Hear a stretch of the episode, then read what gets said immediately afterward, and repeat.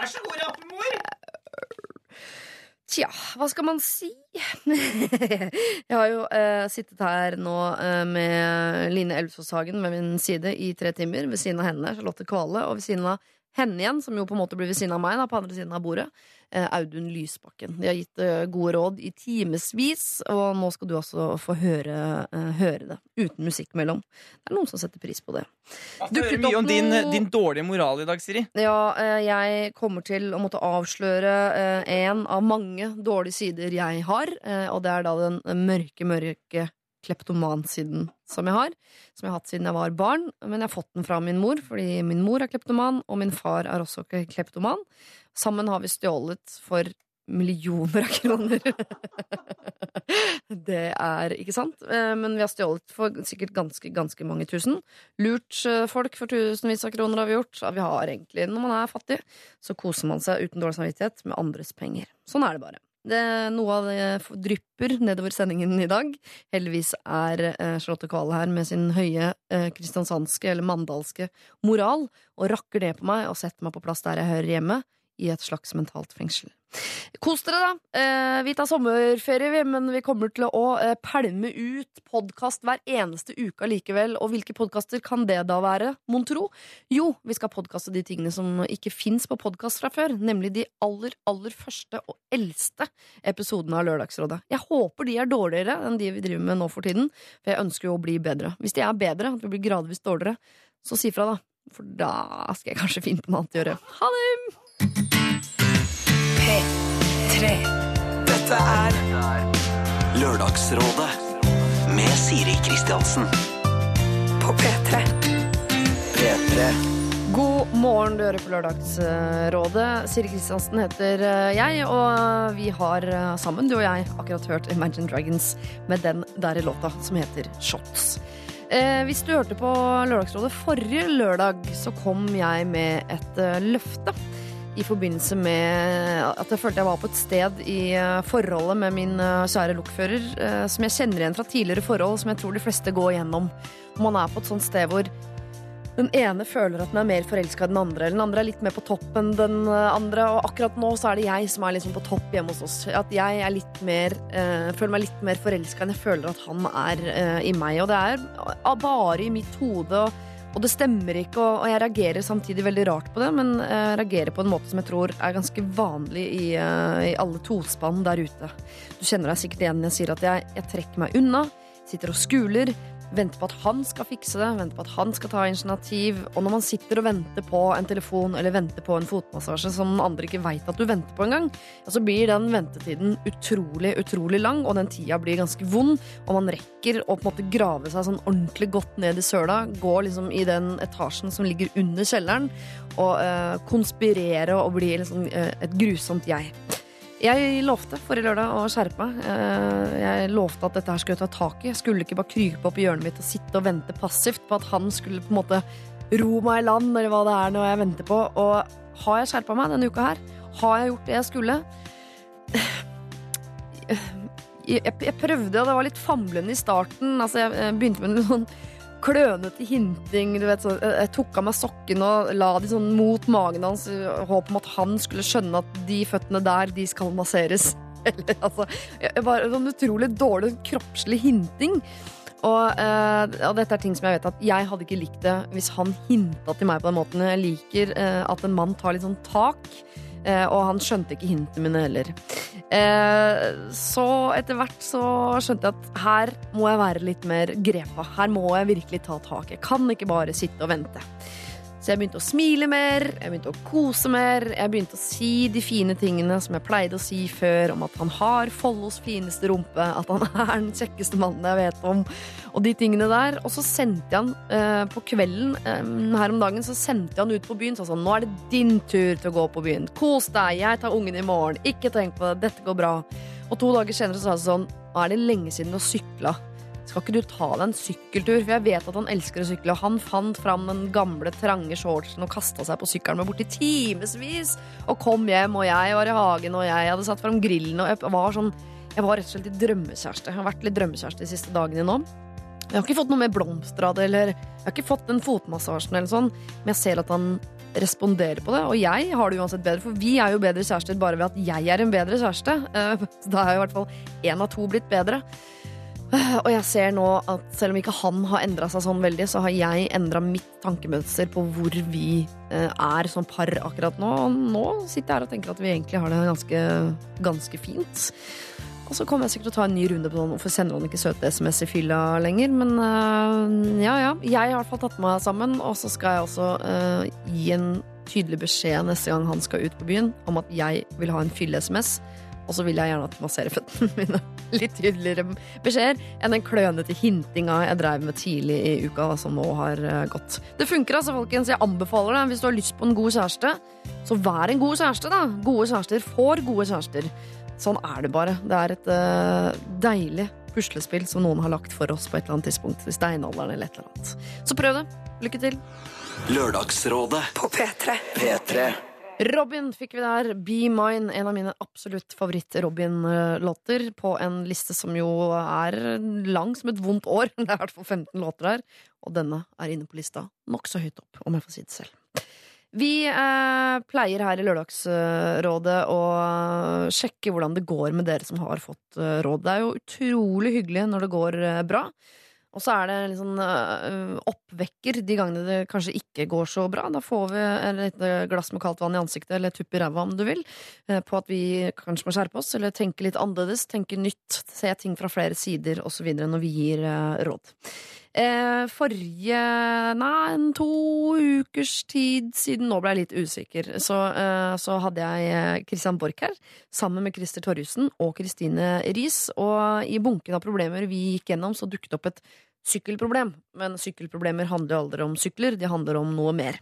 I denne, denne runden så var det en eh, ung jente som heter Selma, som for annen gang i sitt liv har altså da prestert å få en uh, splitter ny og nokså dyr sykkel av sin mor i gave. Og sykkel er ikke noe Selma ønsker seg, uh, verken første eller andre gang hun fikk dette av sin mor. Det er en mor som ønsker å gi sykkel fordi hun ønsker å ha en datter som er et syklende vesen. Eh, Selma er ikke et syklende vesen, vil ikke ha sykkel og lurte på om det er forstående eller om det er greit i det hele tatt å si fra til mor om at den sykkelen der, den vil jeg faktisk ikke ha, kan jeg bytte den i noe annet. Du skal få høre noen av de rådene som Kristine Christer og eh, Christian kom med da de var her. P3. Ikke bare selge den? Er det helt uh, frekt å gjøre, eller? Selge den nye? Ja, Jeg glemmer at den bare er 19 år. For at jeg tenker sånn, I min alder så tenker jeg sånn Hvis jeg har en sykkel, og så får jeg en til, eh, og jeg har sagt ifra hva jeg ønsker meg, og sånn, Ja. så tenker jeg da er det jo min sykkel, og så kan jo vel jeg gjøre hva jeg vil med den. Kunne hun kanskje si Kan jeg bytte den inn i noe annet aktivt? For eksempel på en av disse store sportskjedene. Kanskje Ja. noe annet jeg har lyst på. Telt eller Ja. sovepose. Pose. Altså Hun går jo inn og prøver å styre datterens liv og valg og beslutninger, og det er altså en feil som en del foreldre dessverre har, og det er ganske alvorlig.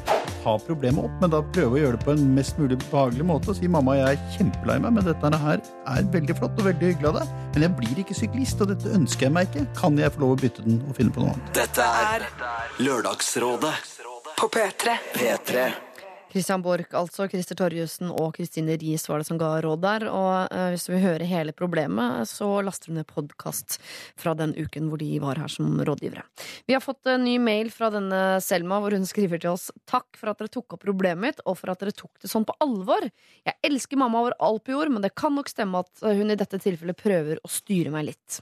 Etter å ha hørt på at dere tok det, eh, tok det opp, tok jeg det opp med mamma, dette med sykkelen. Vi småkranglet litt, eh, der jeg også sa det dere hadde sagt, at det ikke føltes så bra å bli forsøkt endret. Men etter noen dager så foreslo hun selv at vi skulle bytte den inn mot pengene. Jeg sa at jeg kunne kjøpe meg noe nytt joggeutstyr ettersom jeg liker å løpe, og hun syntes det var en god idé. Jeg foreslo at jeg kunne begynne å sykle på en av de gamle bysyklene vi har stående i garasjen hos pappa, så nå har hun tatt over konfirmasjonssykkelen min og fått seg en fin DBS, og jeg har også da en gammel sykkel som jeg kan bruke innimellom. Takk for fine råd, jeg hadde ikke klart det uten dere. Hilsen Selma. Altså, ikke bare har vi hjulpet Selma med å få flere, færre sykler, vi har eh, hjulpet eh, far med å få brukt noen av syklene i garasjen, og mor med å få seg en nærmest splitter ny DVS. Her føler jeg vi har, eh, hjulpet en hel familie, og det føles ganske godt. Hvis du eller hele familien din trenger råd, ja, så kan dere få det her hos Lørdagsrådet. Vi er rause. Send det inn til uh, mailboksen min, lr, Dette er P3. Det var Bendik sammen med Arif Knust glass, heter det samarbeidsprosjektet der, som jo er en uh, låt. Før det eh, Fetty Wap Trap Queen her i Lørdagsrådet. Og nå har uh, rådgiverne tatt hver sin stol. Jeg ser deg nesten ikke, Audun Lysbakken, for du er sitter, uh, du sitter bak et sånt kamera som er festet til mikrofonen min. Og de kameraene er ikke på. Vi filmes ikke. Uh, det skal vi kanskje være glad for. God morgen. God morgen. Har dere en fin sommer, alle sammen? Ja. Veldig fin. Det er, Første feriedagen. er det det i dag? En lørdag? Ja, det blir jo det, da. Mm. Så litt tidlig på morgenen.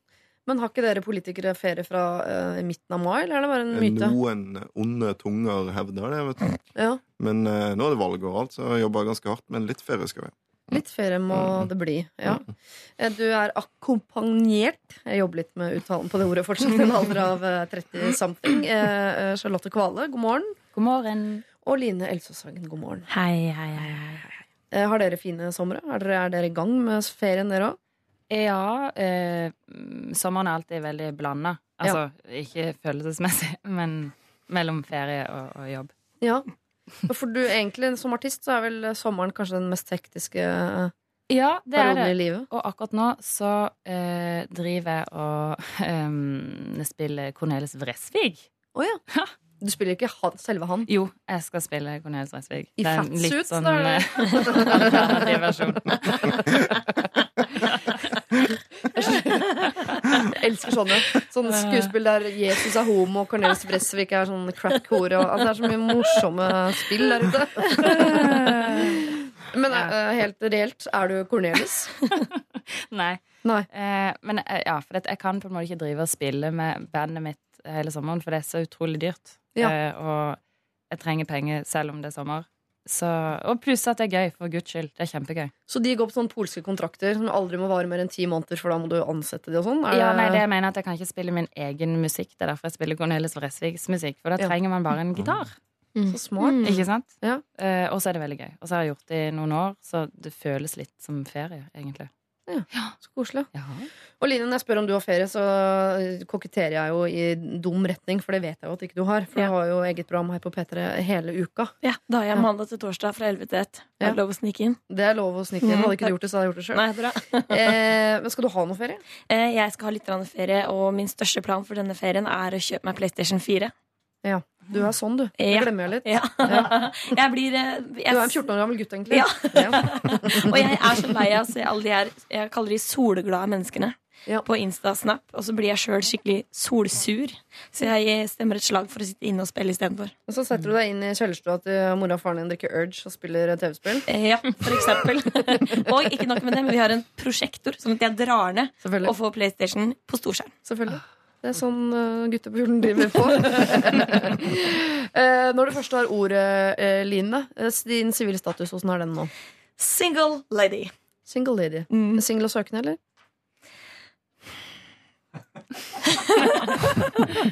Kan man svare nei på det? Ja, Jeg klarer meg så godt aleine. ja. Kommer du til å ende opp med en sånn fyr som har eh, øgler og slanger og sånn? For det tenker jeg på med en gang når jeg hører om folk som er glad i PlayStation. Eh, Sånn som eh, driver litt ulovlig aktivitet og kanskje lager bomber i kjelleren òg, f.eks. ja, ja, ja. De folka der. Jeg har ikke vært borti de enda, men jeg vil jo si at det høres ganske eksotisk ut. Så Ja. ja, takk til det, egentlig. Men ellers sånn eh, på statusen, har du egen leilighet? Bor du hos mor og faren din, eller hvordan er vi der? Jeg bor aleine i egen leilighet, og jeg har kjøpt. Ja. Og jeg føler meg fattig hele tida fordi jeg må betale en gjeld. Så sånn er det å bli voksen, har jeg skjønt nå.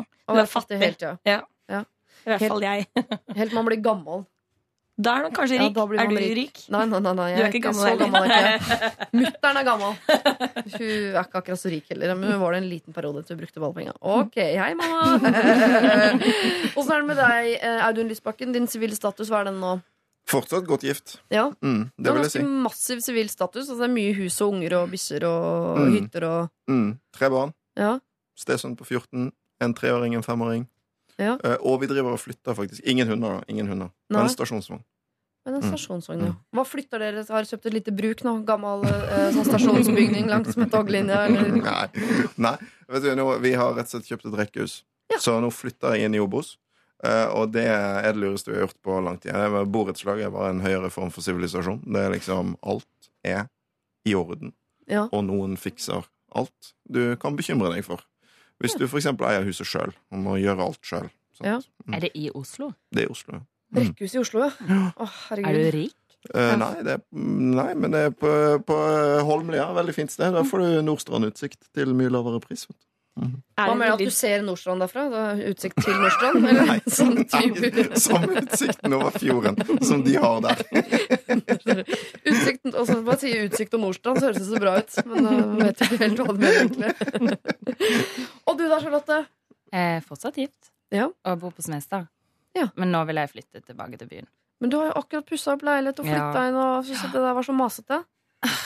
Ja, det er blitt fint, da, men eh, så møtte jeg Ulla, som, som Line er programleder sammen med, Ja. eh, tilfeldig Mm. her en dag jeg var i byen igjen. Og så tenkte jeg at jeg ble så veldig glad for å se Ulla, og veldig lei meg for at det aldri kommer til å skje på Smestad. Altså ikke bare Ulla, men, men tilfeldig møte kjente folk og sånn. Ja, For du bor avsidesliggende, og der treffer du ikke Ullar og andre Nei, altså Smestad er jo Hvem bor på Smestad, liksom? Nei. Du? Ja. Jeg bor der. Flytt til Grønland, så kan du møte Mulla. Det er jo Jeg er klar for å møte hvem som helst. Ja. Bare jeg kan møte noen som ikke har en setter. ja, for det har du. Jeg har ikke setter. Du har en bikkje. Jeg har en bikkje med en blandingshund, og det er en veldig stor forskjell. Hva heter den igjen? Stella. Stella. Ja. Stella Getz er oppkalt etter henne. Mm. Så bra. det er ikke alle som vet hvor Smestad er, men det er altså litt sånn uh, rikmannsstrøk i Oslo, er det ikke Ja, det? jeg bor ikke i noen rikmannsbolig, altså. Det er veldig langt ifra. Ja. Men eh, det er på Smestad, i hvert fall. Men jeg husker ikke om det var forrige gang du var her, eller om det var forrige gang der, så bestemte jo vi ved hjelp av Lørdagsrådet sin app at du ikke skulle gå for barn nummer to. Mm. Har du holdt deg i skinnet? Mm. Ja, det, det har ikke blitt et barn nummer to siden det har vært Nei, vi har effektivt. ikke da. hatt oss siden forrige gang jeg var. Det er så, det er så godt å høre. Så, mm. Ja, nei, men Da blir det ikke nummer to. Eller eh, barn nummer to, da. Eh, først snakker om det greiene der. La oss gå videre før vi surrer oss inn i ting vi ikke skal snakke om i det hele tatt. Vi skal gå over i eh, rådgivning. Skal gi gode råd fram til klokka to. Jeg har eh, plukket ut noen, eh, noen alvorlige og noen fine problemer til dere, men til klokka tolv jeg har tenkt å være her til to. Dere må gjerne gå klokka tolv. Så snakker jeg off the air. eh, sånn behind the scenes etterpå. Eh, Men hvis du som hører på har lyst til å sende inn et problem til oss, så gjør det. Eh, Får vi ikke tid i dag, så får vi jo alltids tid eh, en annen gang. Eller alfakrøll. nrk.no. P3 Dette er Lørdagsrådet på P3. Eminem fikk det der med Without Me her i Lørdagsrådet, hvor jeg sitter sammen med Audun Lysbakken, Charlotte Kvale og Line Elvsåshagen, som eh, nå fungerer som rådgivere her i NRK. Det høres veldig alvorlig ut, så det er litt alvorlig også. Vi skal uh, hjelpe en som heter Synnøve, som har sendt inn en mail til oss hvor det står Hei, jeg er en jente på 38 år som etter mange år som singel endelig traff drømmemannen for ca. et år siden. Han er 40. Jeg har veldig lyst på barn, og det har han også. Og etter seks måneder sammen så ba han meg droppe prevensjon. Vi bor ikke sammen ennå, og jeg vil, men han vil vente. Men vi er enige om at når det blir baby, så kommer vi til å flytte sammen. Om ikke før. Så til problemet. Jeg er i eh, utgangspunktet sjalu, og for to måneder siden så sjekket jeg mobilen hans og fant ut at han hadde vært utro. Jeg konfronterte han, og han erkjente at han hadde hatt en affære. Men han sier at det var pga. bindingsangst, men at han nå har avsluttet det hele, og at han er sikker på at han vil være sammen med bare meg. Jeg er veldig forelsket i han, og har som sagt veldig lyst på barn.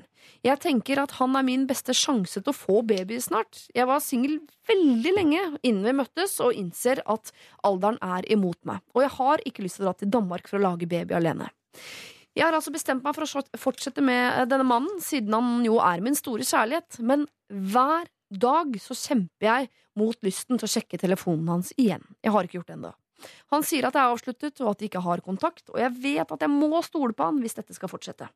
Jeg er redd for at min mistenksomhet kan komme til å gjøre meg gal, og at hans telefon blir en ond tredjepart i vårt forhold. Jeg vet dere har gode råd, og jeg trenger dem. Hilsen Synnøve. Hun vil altså bli kvitt Hun sier nesten ikke hva hun vil ha råd på her. Eh, hun vil ha råd om hele sin situasjon. Skal hun bli kvitt uh, typen? Skal hun bli kvitt sjalusien? Eller hvordan skal hun liksom ordne opp i dette? Altså, det første jeg har skrevet, jeg har en liten lapp foran meg. Skrevet. Skre skrevet. Beklager. Sånn er det å plutselig være de voksne selskap som det. Jeg har skrevet nei med store bokstaver. Til han, eller til utro, eller til hva? Generelt nei til han. Jeg oh, ja. mener få barmen og droppen. Hvis du har så lyst på unge, få barmen, droppen. Jeg håper han er kjekk, for det er også gøyere sikkert for barn som er pent og kjekt og sånn. Ja. Men dropp han, fordi en utro fyr Etter et halvt år, nei, ett år, nei, nei, nei, nei, nei. Dårlig kort. Dårlig kort. Ja, Så du mener altså bruk eh, sædcellen hans og dropp eh, boligen rundt, på en måte? Helt klart. Ja, Er dere enig i det, Audun? Charlotte? Altså, det der var vanskelig, syns jeg. Fordi at Ja. jeg, jeg skjønner henne godt. Men altså, sånn, fordi når du begynte med sånn eh, med Hun er den sjalu typen, og sånn, så tenkte jeg kanskje at eh, ja, det er jo ikke så bra. Men, men det er jo ikke telefonen hans som er problemet her. Det er jo han som er problemet. Ja. Fordi hun er jo ikke av den spesielt sjalu typen hvis hun er litt bekymret etter at hun har tatt han i utroskap. Nei, det vil si Da er vil jeg si at sjalusi er ganske legitimt. Ja. Um, og da er jo spørsmålet om du orker å leve med det. Jeg, jeg vil jo si at um, jeg vil jo si at det er jo ingenting uh, Det virker som det der med dra til Danmark og få barn alene var helt uaktuelt. Men Ja. det er det jo mange som gjør, og som er veldig fornøyd med det. Og sikkert mer fornøyd med det enn å få barn med en fyr som du kommer til å synes det er veldig slitsomt å bo sammen med. Men um, det kommer jo an på gjentagelsesfaren, da, gjør ikke det? Jo, Og det. vi fikk kanskje vite litt lite til å kunne mene noe kvalifisert om det. Men kan man finne ut noe om det, tenker jeg? Og lese telefonen en gang til, da.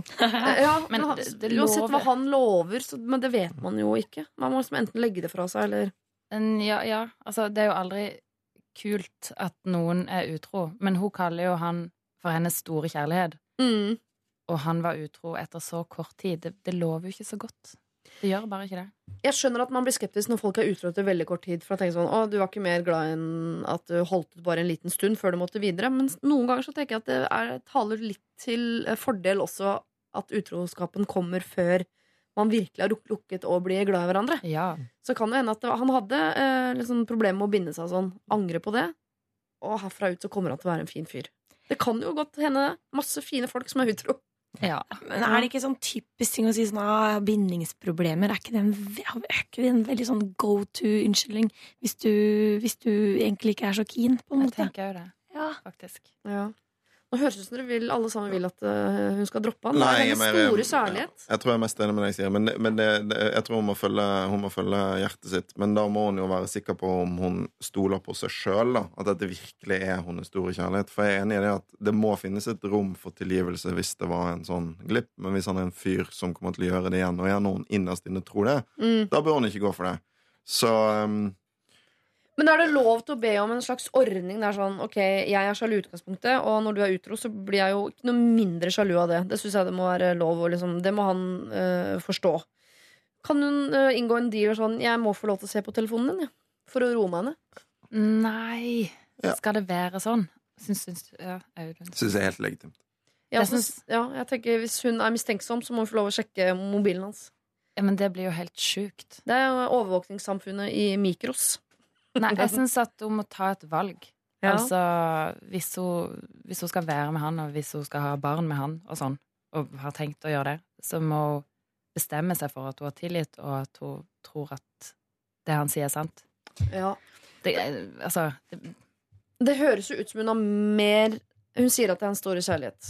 Og det høres ut som hun egentlig har mer lyst på barn enn Det, er barn som er greia her. Ja. mm, Og da er jo oppfølgingsspørsmålet Er det best å få barn med en fyr du ikke stoler på, eller eh, vente? Eller få barn med en du ikke veit hvem er?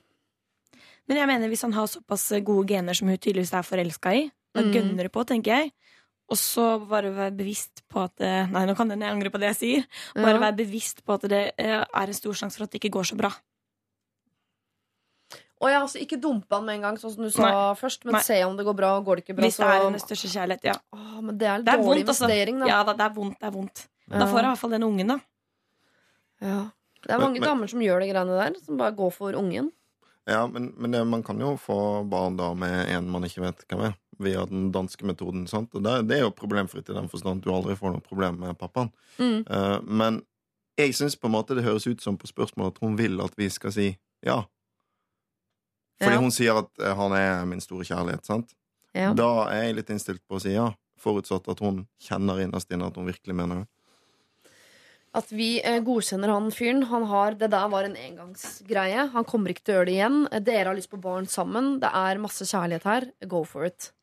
Fordi Jeg er også litt frista til å si ja på det, fordi uh, Uansett hvem hun hadde vært forelsket i, eh, uansett om han ikke hadde vært utro eller man har vært utro, eller hva som helst, så kan han jo komme til å være det seinere uansett. Man, man vet jo ikke.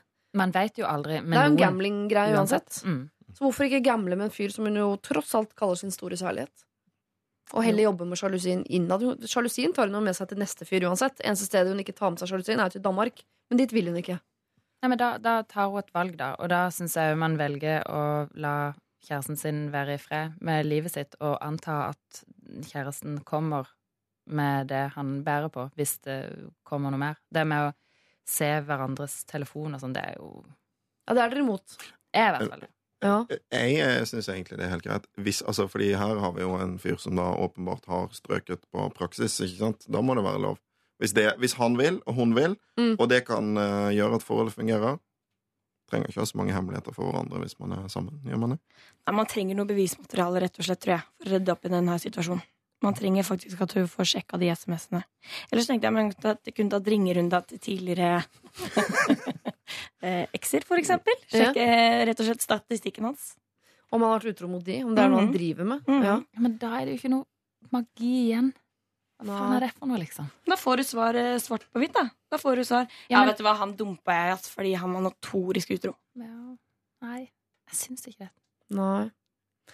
Ja, det høres, altså Man skal jo ikke være privatetterforsker og på en måte og, eh, researche seg fram til den store kjærligheten. Uh, hun sier at det er den store kjærligheten, og da må vi stole på det. Det er den store kjærligheten Hun elsker han, hun vil ha han, hun vil ha barn med han, hun vil flytte med inn med han. Og alt sånn. I tillegg så vil hun stole på han. Det tenker jeg det er egentlig I og med at han har vært utro, så er det hans jobb Nett- å sørge for at hun gjør. Det er det som er poenget, Siri. Hun sier jo egentlig hva hun vil. Ja. Da kan ikke vi si at hun ikke skal gjøre det. Hun, hun, det er det hun vil. Hun vil ha hele pakka, Mm. og det hun vil ha vekk, er ikke han, det er mistenksomheten. Og den er det ikke vi som skal ta bort, det er det jo han som skal ta bort. Mm. Men vi kan kanskje gi noen råd om hvordan han kan ta bort den mistenksomheten. Et konkret råd er jo å gi fritt innsyn i mobilen. Er det noen andre mer eh, romantiske metoder å gjøre det på? Har du noen tips der, Charlotte? Nei, Jeg har faktisk ingen tips, altså. Beklager. Jeg bare er veldig negativ til overvåkning. Overvåkning av mobiltelefon? Mm. Ja. ja. Det er jeg òg, altså, men jeg er mer skeptisk til det når staten gjør det, liksom. Altså, fordi Hvis to gjør det som del av en pakt for å redde forholdet Ja. Det er jo basert på en slags frivillighet, da. Ja. Og så har han kanskje fortjent det. Han har absolutt fortjent det, Ja. men så skal han jo være ganske så stokk dum hvis han da fortsetter å være utro og lar meldingene ligge på telefonen som han har inngått en pakt om at begge skal få lov til å lese. Men da, er jo, da, da, da sletter han jo selvfølgelig de meldingene. Ja, ja, Så man er ikke noe lenger ved å få innsyn i den mobilen på sikt. men går det ikke an å sette seg ned, se en dypt inn i øya og si sånn Vet du hva, jeg har så lyst til å ha barn med deg, Mm. og jeg elsker deg hele mitt hjerte, men jeg må stole på deg. Bare spille på dårlig samvittighet, se om det faktisk kan funke, at han klarer å være ekte nok og si tilbake vil jeg ha, la oss gjøre på. Det høres ut som veldig god plan. For jeg tenker at han må bjuda på uh, noe som er verdt å stole på her, før de velger å få barn. Tenk sånn, eh, Dere må i hvert fall flytte sammen først. Mm. Han, ja, han, ja, det hadde vi glemt Yes. her. Ja, Ja. det, det, jo han må si sånn 'Nå vil jeg at vi skal flytte Mm. sammen'. Og han Mm. må ta litt tak, han må ta noe initiativ, og han må vise at han er en fyr som er verdt å være stole på. Og så kan dere få barn. Mm. Du skal ikke få barn og bo i hver deres leilighet, vært sammen kort, han har vært utro. uansett vent litt. han må vise at han kan forplikte seg. Ja. Det er et rimelig krav å stille da først. Og fint hvis han gjør det før eh, eh, lille Lukas kommer til verden. På en Ja. eller annen måte. Ja. Absolutt. Synnøve, eh, vi har kommet fram til nå i, Vi har vakla litt fram og tilbake. Og dere må gjerne inngå en pakt der du har eh, innsyn i hans mobiltelefon eh, hvis du ønsker det, og det er greit for han. Selv om jeg ikke tror det gir deg så veldig mye eh, av bevismateriale. Jeg tror det er andre måter han må bevise overfor deg på at han er en fyr som du kan få barn med. Og da tenker jeg flytte sammen, eh, vise seg uh, som en fyr som er verdt å stole på, osv. Og, så og når den tryggheten kommer snikende på deg, Så kan du åpne opp for eh, babyfabrikken, og så lager dere en liten Lukas. Dette er P3. Robin Thicke sammen med Flo Rida. Eh, Låta heter I Don't Like It, I Love It. Eh, Det syns jeg er en veldig eh, positiv og fin låttittel. Jeg blir veldig glad av altså, låta, selvfølgelig, men bare tittelen i seg sjøl er positiv nok fra meg. For meg. Eh, Line Elsåshagen, du er rådgiver i dag. Absolutt. Fra Vi under 60 her på eh, P3. Eh, Charlotte Kvale, artist for tiden i Cornelis Vreeswijks kropp. Og sinn. Jeg elsker å se for meg. Er sånn fats ut på en sånn ferder fyr med kassegitar. Fint bilde. Og Audun Lysbakken, som jo har tre måneder sommerferie. Ja. Jeg vil onde tunger ha det til, og jeg har en ond tunge, derfor så vil jeg ha det sånn. Ok, eh, vi har fått inn en mail fra Yvonne her, hvor det står Nå har endelig sommeren kommet, og jeg har gledet meg lenge til å bade, gå i sommerkjole og shorts. Dette er min favorittårstid, men det er noe som setter en stopper for sommergleden. Nemlig den beryktede sommerkroppen. I mitt tilfelle så er det svigermor som står for kroppspresset. Hun kan finne på å si ting som 'trener du ofte?' Og under middagen i går kom denne. Har du lagt på deg litt? Au. Jeg unngikk å svare, i håp om at hun skjønner at det er ikke ok å si. Fra helgen av skal vi på hyttetur, og jeg vet ikke helt om jeg skal glede meg. Det skal sies at hun er 50 år, lav av vekst og spinkel som en 14-åring. Jeg er 24 år, ca. 15 cm høyere, og har en BMI på 21. Altså en ganske normal jente, men med naturlig medfødt bolleskinn og underhudsfett. Jeg trener to-tre ganger i uka, spiser sunt, og i utgangspunktet er jeg OK fornøyd med meg selv. Men det setter jo en stopper på glede med shorts og bikini og sånn når man får slike kommentarer slengende. Så hvordan skal jeg forholde meg til dette? Eller hvordan kan jeg få svigermor til å slutte å være så fanatisk opptatt av sin egen og andres vekt? Jeg har lagt meg siden sist sommer, men det er jo min sak. Det er snakk om en kilo eller to. Hilsen naturlig lubben svigerdatter Yvonne. Altså, bare det at hun forsvarer seg, føler at hun må forsvare seg i det hele tatt, provoserer meg noe helt sykt. Det Ja. er ingen som har noe med hvordan hennes kropp er. Hun trenger ikke å skulle ønske jeg ikke tenkte på det i det hele tatt, og bare avskrev det som pisspreik, fordi det er jo det det er. Altså, jeg har skrevet 'slå svigermor'. Ja. Det syns jeg er helt innafor. Jeg blir så forbanna, altså. Eh, nei. Nei. Jeg, jeg, jeg, jeg, kjenner, jeg kjenner meg igjen. Faktisk opplevd det samme. Oi. Skamma meg over kroppen foran svigermor, og det er, min taktikk var bare å vet du hva, bare kle på seg Bare valse rundt rett foran henne i bikini. Og da føltes, føltes det liksom at jeg vant, for da ble jeg liksom vant til å se alle mine skavanker og skavinker. Ja. Uh, ja. Hva, men Ble du ikke frista til å si sånn Jeg ser du titter på kroppen min. Det er denne kroppen som feirer over sønnen din flere ganger i uka. Som si sånne ting. Å, jeg kan ønske jeg var like tøff som deg, Siri. Hadde du sagt Ja, det? jeg hadde ikke sagt det. Jeg hadde godt sagt det på radio, selvfølgelig, men aldri Det in er sånne ting man burde si. Ja, er det ikke det? Definitivt. Ja. Pluss uh, sånne ting som 'hold kjeft', Ja. burde man jo si. Oslo. Men jeg skjønner Ja. at hun ikke vil si Men det, det, det er jo så sinnssykt utenfor. Sant? Men det er jo til og med liksom på en sånn svigermor-svigerdatter For uh, svigermor-svigerdatter-relasjoner kan være litt vanskelige, tror jeg. uh, ofte. Ja. Uh, men, men det der er jo Men jeg syns det er litt mye å kreve at hun skal være veldig tøff, at Yvonne skal liksom stå opp og si, uh, si eh, et eller annet stygt til svigermor, liksom. sånn. Ja, Ja, sant, mm. fordi det er, det er egentlig ikke hennes oppgave. Det er, eh, det er jo egentlig sønnen som eh, må få sin mor til å holde kjeft. Ja. Men eh, Mm. det mener det ryddige krangler med svigerforeldre. Det skal den som faktisk har de til foreldre, ta. Syns jeg er et godt prinsipp. Og da må man stå opp for eh, ektefellen sin. ja, Så Yvonne må outsource dette til sin, eh, til sin kjæreste. At han må si fra til mora si. Ja, det så, si sånn eh, Enten så får du slutt på dette, eller så blir ikke jeg med. Nei. Men skal han ta det opp eh, Altså Nå drar de jo på hyttetur. Antageligvis eh, drar de i eh, dag eller i morgen, eller om det er neste helg. Det kommer ikke helt tydelig fram Det er litt mailen. seint å ikke bli med, med andre ord. Det er litt Ja. seint. Men skal man ta det opp som en, sånn, eh, en stor greie i forkant, eller skal man vente til det dukker opp igjen og ta det der og da? Jeg syns hun skal ta det med typen sin nå, sånn at han kan ta det før de drar av gårde.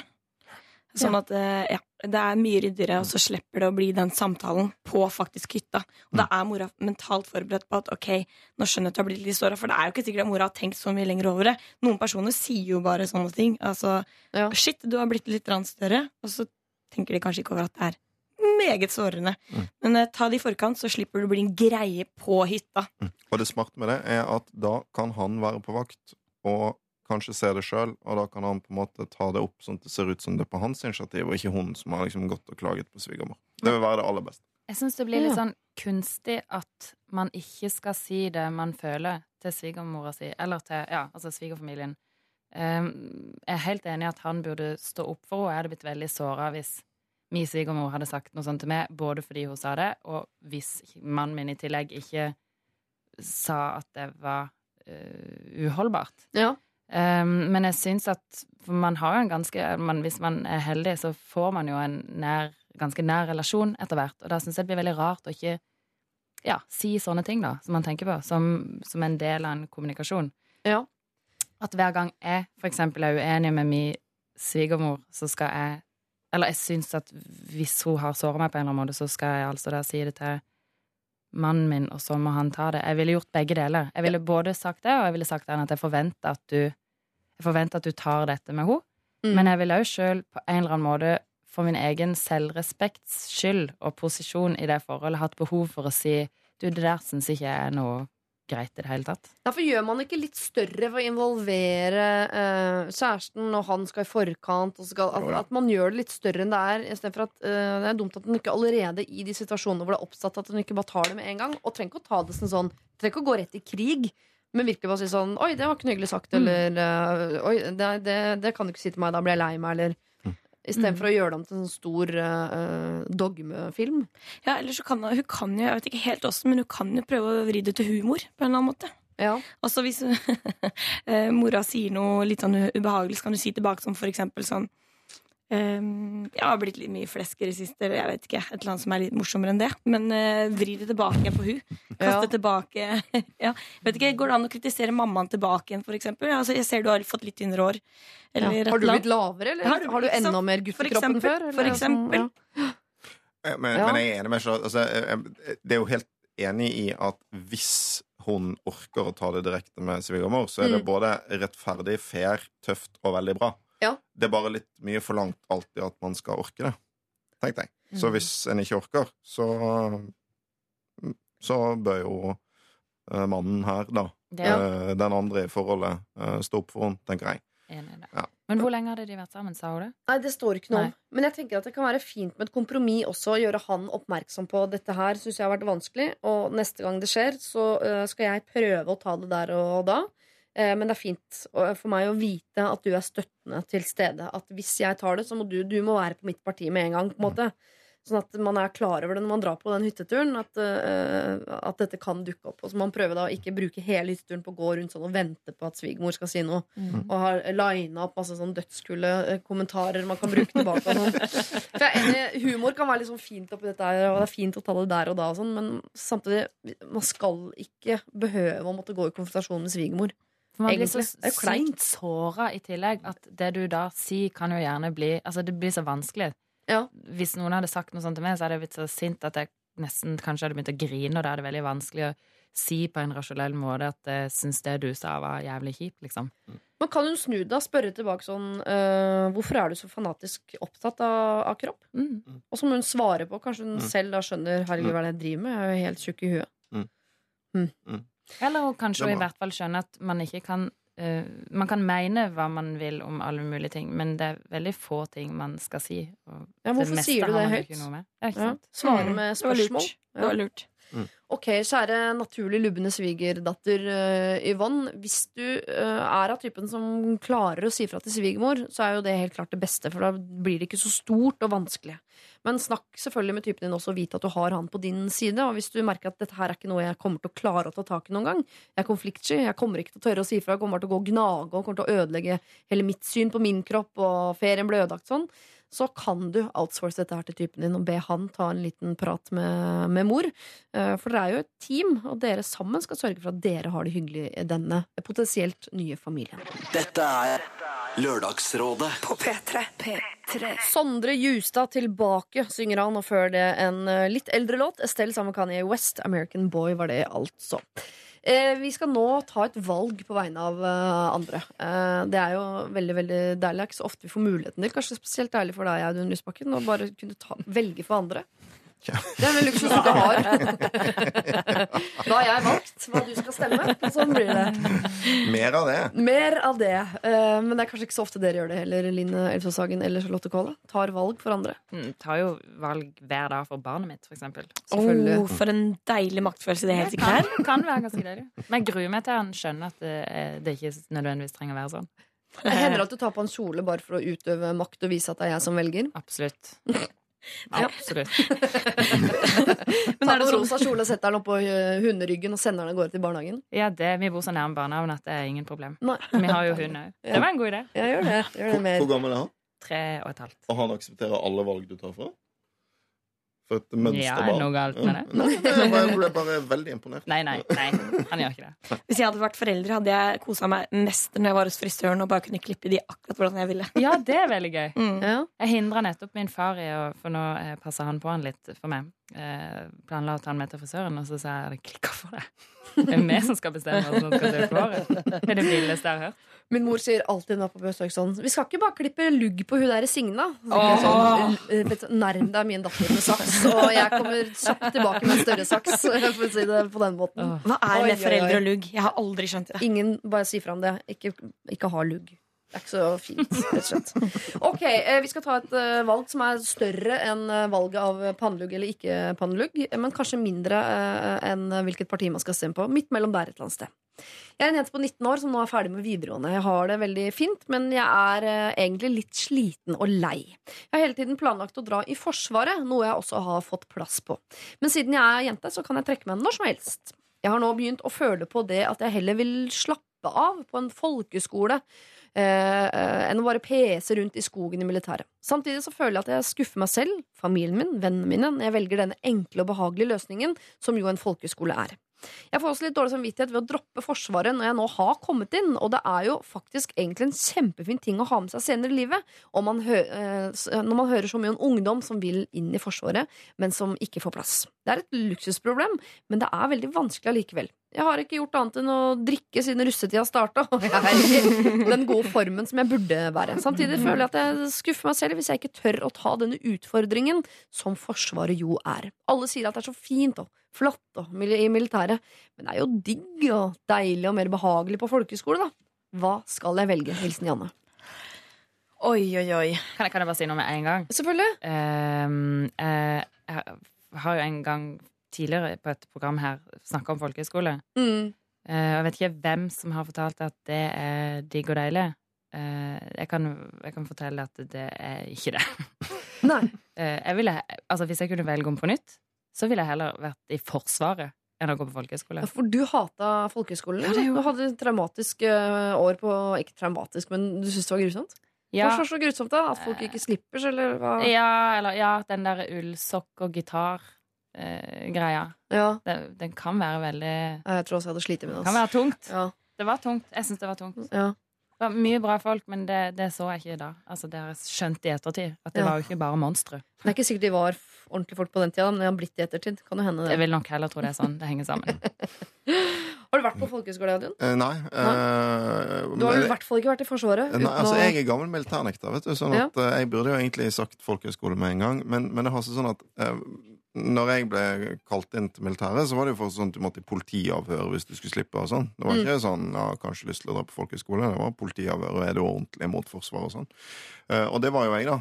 Men jeg må innrømme en ting, og det er at jeg angret litt på det etterpå. Fordi uh, siden det har jeg liksom blitt for Forsvaret og syns at det er lurt. Og jeg tror jo at mange egentlig har et ganske bra år der og lærer mye. Ja. Uh, Så jeg syns det der er litt vanskelig. Fordi um, jeg tror hun kan få et veldig bra år i Forsvaret. Men jeg har jo inntrykk av at ganske mange har det veldig fint på folkehøyskole. Ja, for Eh. Fordi i serien Ting jeg angrer på, så jeg angrer på at jeg ikke var i militæret. Jeg angrer litt på at jeg ikke var på folkehøyskole òg, egentlig. Ja. Ja. Men hvis du kunne velge en av da? Du får et år nå som 18-åring, Audun. Uten livets bekymringer og, øh, og samfunnets press. Hvor drar du? Eh, altså, Da, jeg hadde byttet siviltjenesten min med et år i Forsvaret. Men øh, det hadde jeg gjort. Men det er klart at jeg hadde, jeg, jeg hadde jo et år verneplikt, så jeg kunne ikke velge. sant? Jeg tror at hvis hun har mest lyst på folkehøyskole, så skal hun gjøre det.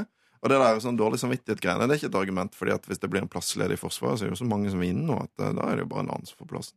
Ja, ja, ja. Hun gjør jo en andre en tjeneste. Så det er ikke sånn at landet blir lagt åpent for russerne fordi hun drar på folkehøyskole. Nei.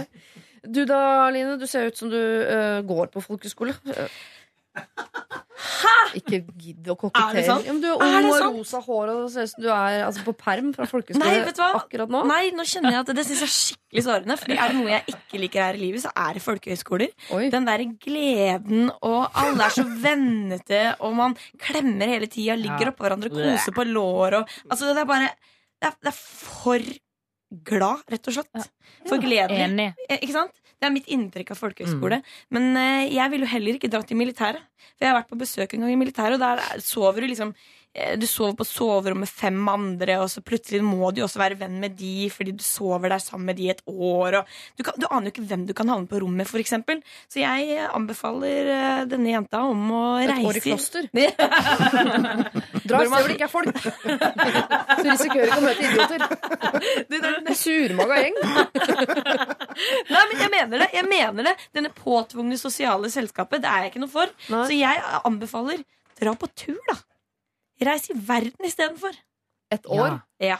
Eh, nei, jobb et halvår Jobb. på en eller annen kjip eh, butikk der du bor, og så bor du litt ekstra hjemme hos mor og far. Ser Mm. litt mye på TV-serier, chiller litt, og så bare får du the amazing time of your life på tur rundt i verden. Åh, jeg er så imot de der turene der hvor man bare tjener masse penger og stikker på full moon-party. Eh, Ja, men du jeg, kan gjøre det, og kan jo reise til Island, liksom. ja, et år på Island. Da er du runda. Island. Da, rundt og rundt. rundt og rundt og rundt på Island. Sånn Forrest Gump-aktig figur der oppe. Eh, men eh, jeg har jo bedt dere velge, så det er veldig eh, fint og pliktoppfyllende av dere å gjøre det. Men, eh, og det skal vi også gjøre. Men må Janne velge? Hvorfor kan hun ikke gjøre begge deler, da? Ikke samtidig, skjønner jeg. Eh, Er, liksom, hvis hun hun nå sier nei til Forsvaret, har det toget gått? kan- Nei. Har ikke det? Ja, men det, men det, det vil kanskje altså Hvis hun vil gjøre begge deler, så er det vel lurt å ta Forsvaret først. Når hun først har kommet inn. Hvorfor det? Eh, Fordi jeg tror det er lettere å komme inn på folkehøyskole. Det er kjipt å være det, gamle på folkehøyskole, folkeskole, da. Ja, det Ja. Hun 32-åringen Ja, som går på som- seramikklinja på- oppe ved Lillehammer der. Det vil du ikke være oss. Ja. Forsvaret først, og så folkehøyskole.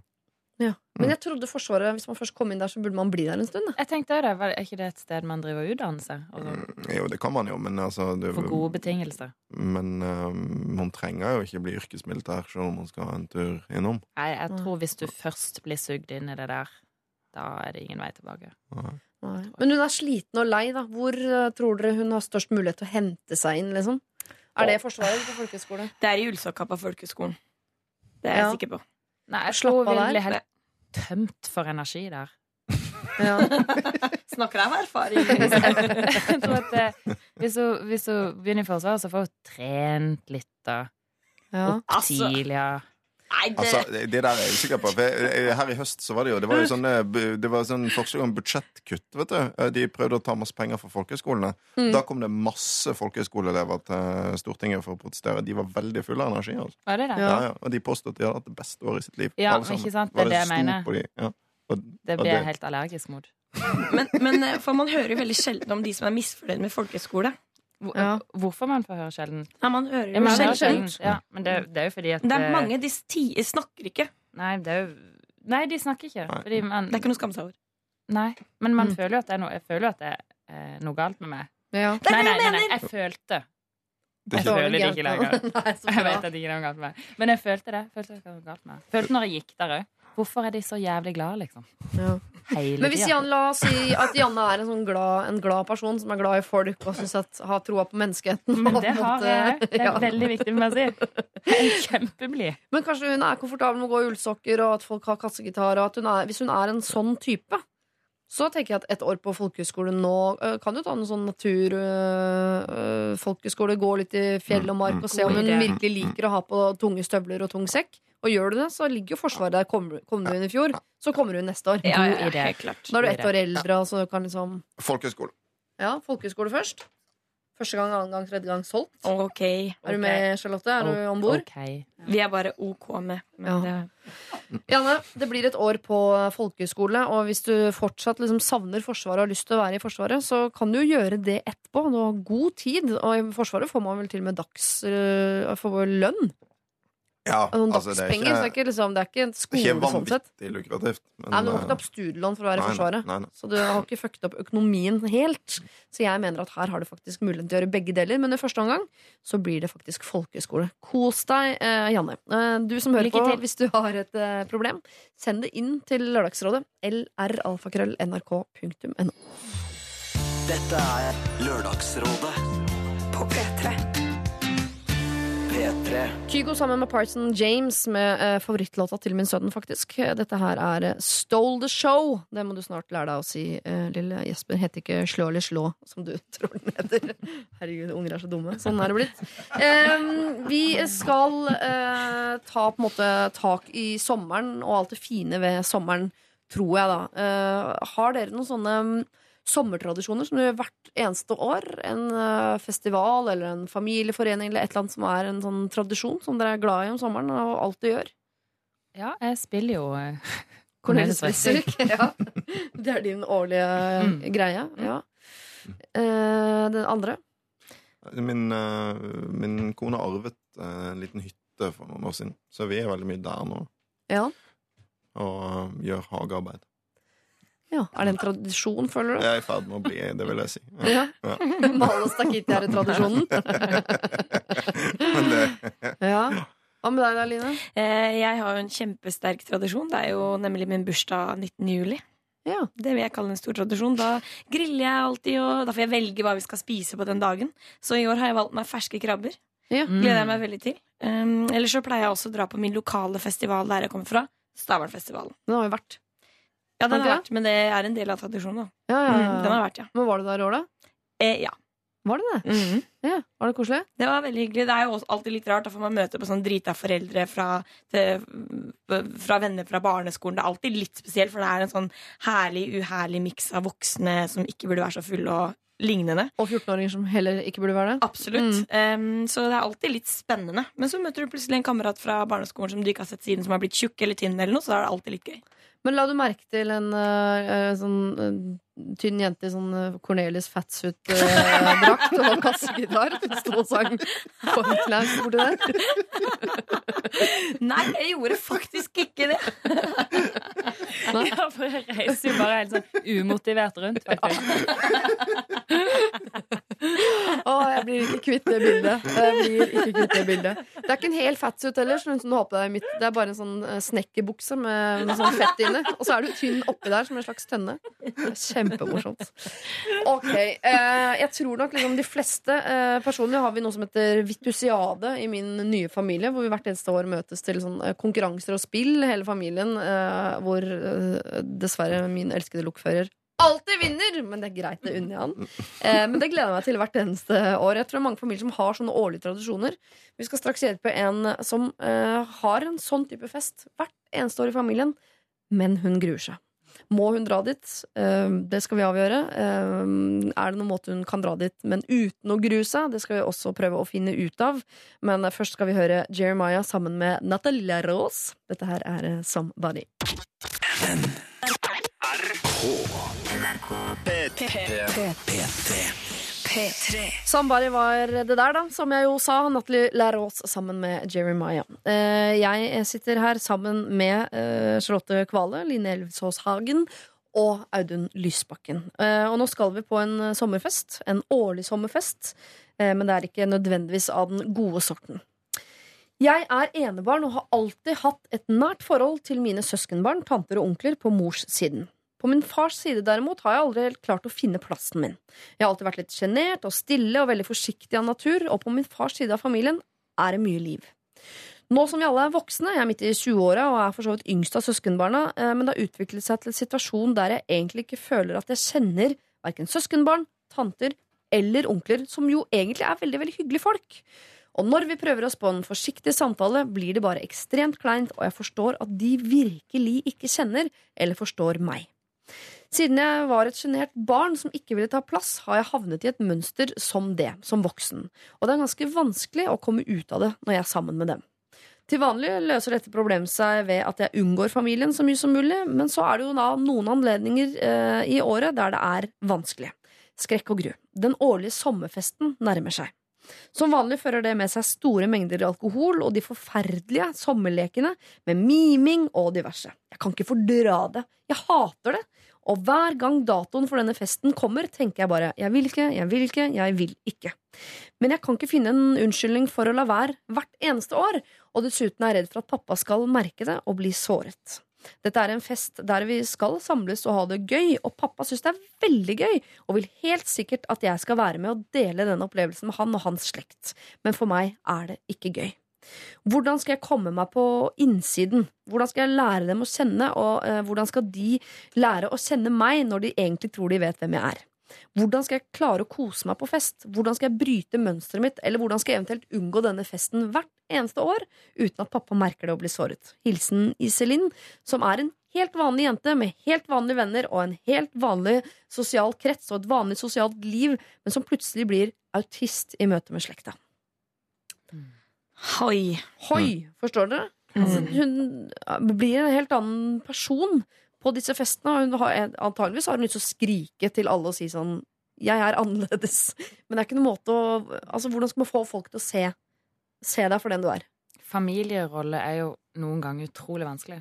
Ja. Fordi man tror at de andre holder en fast, og så gjør man det kanskje like mye sjøl.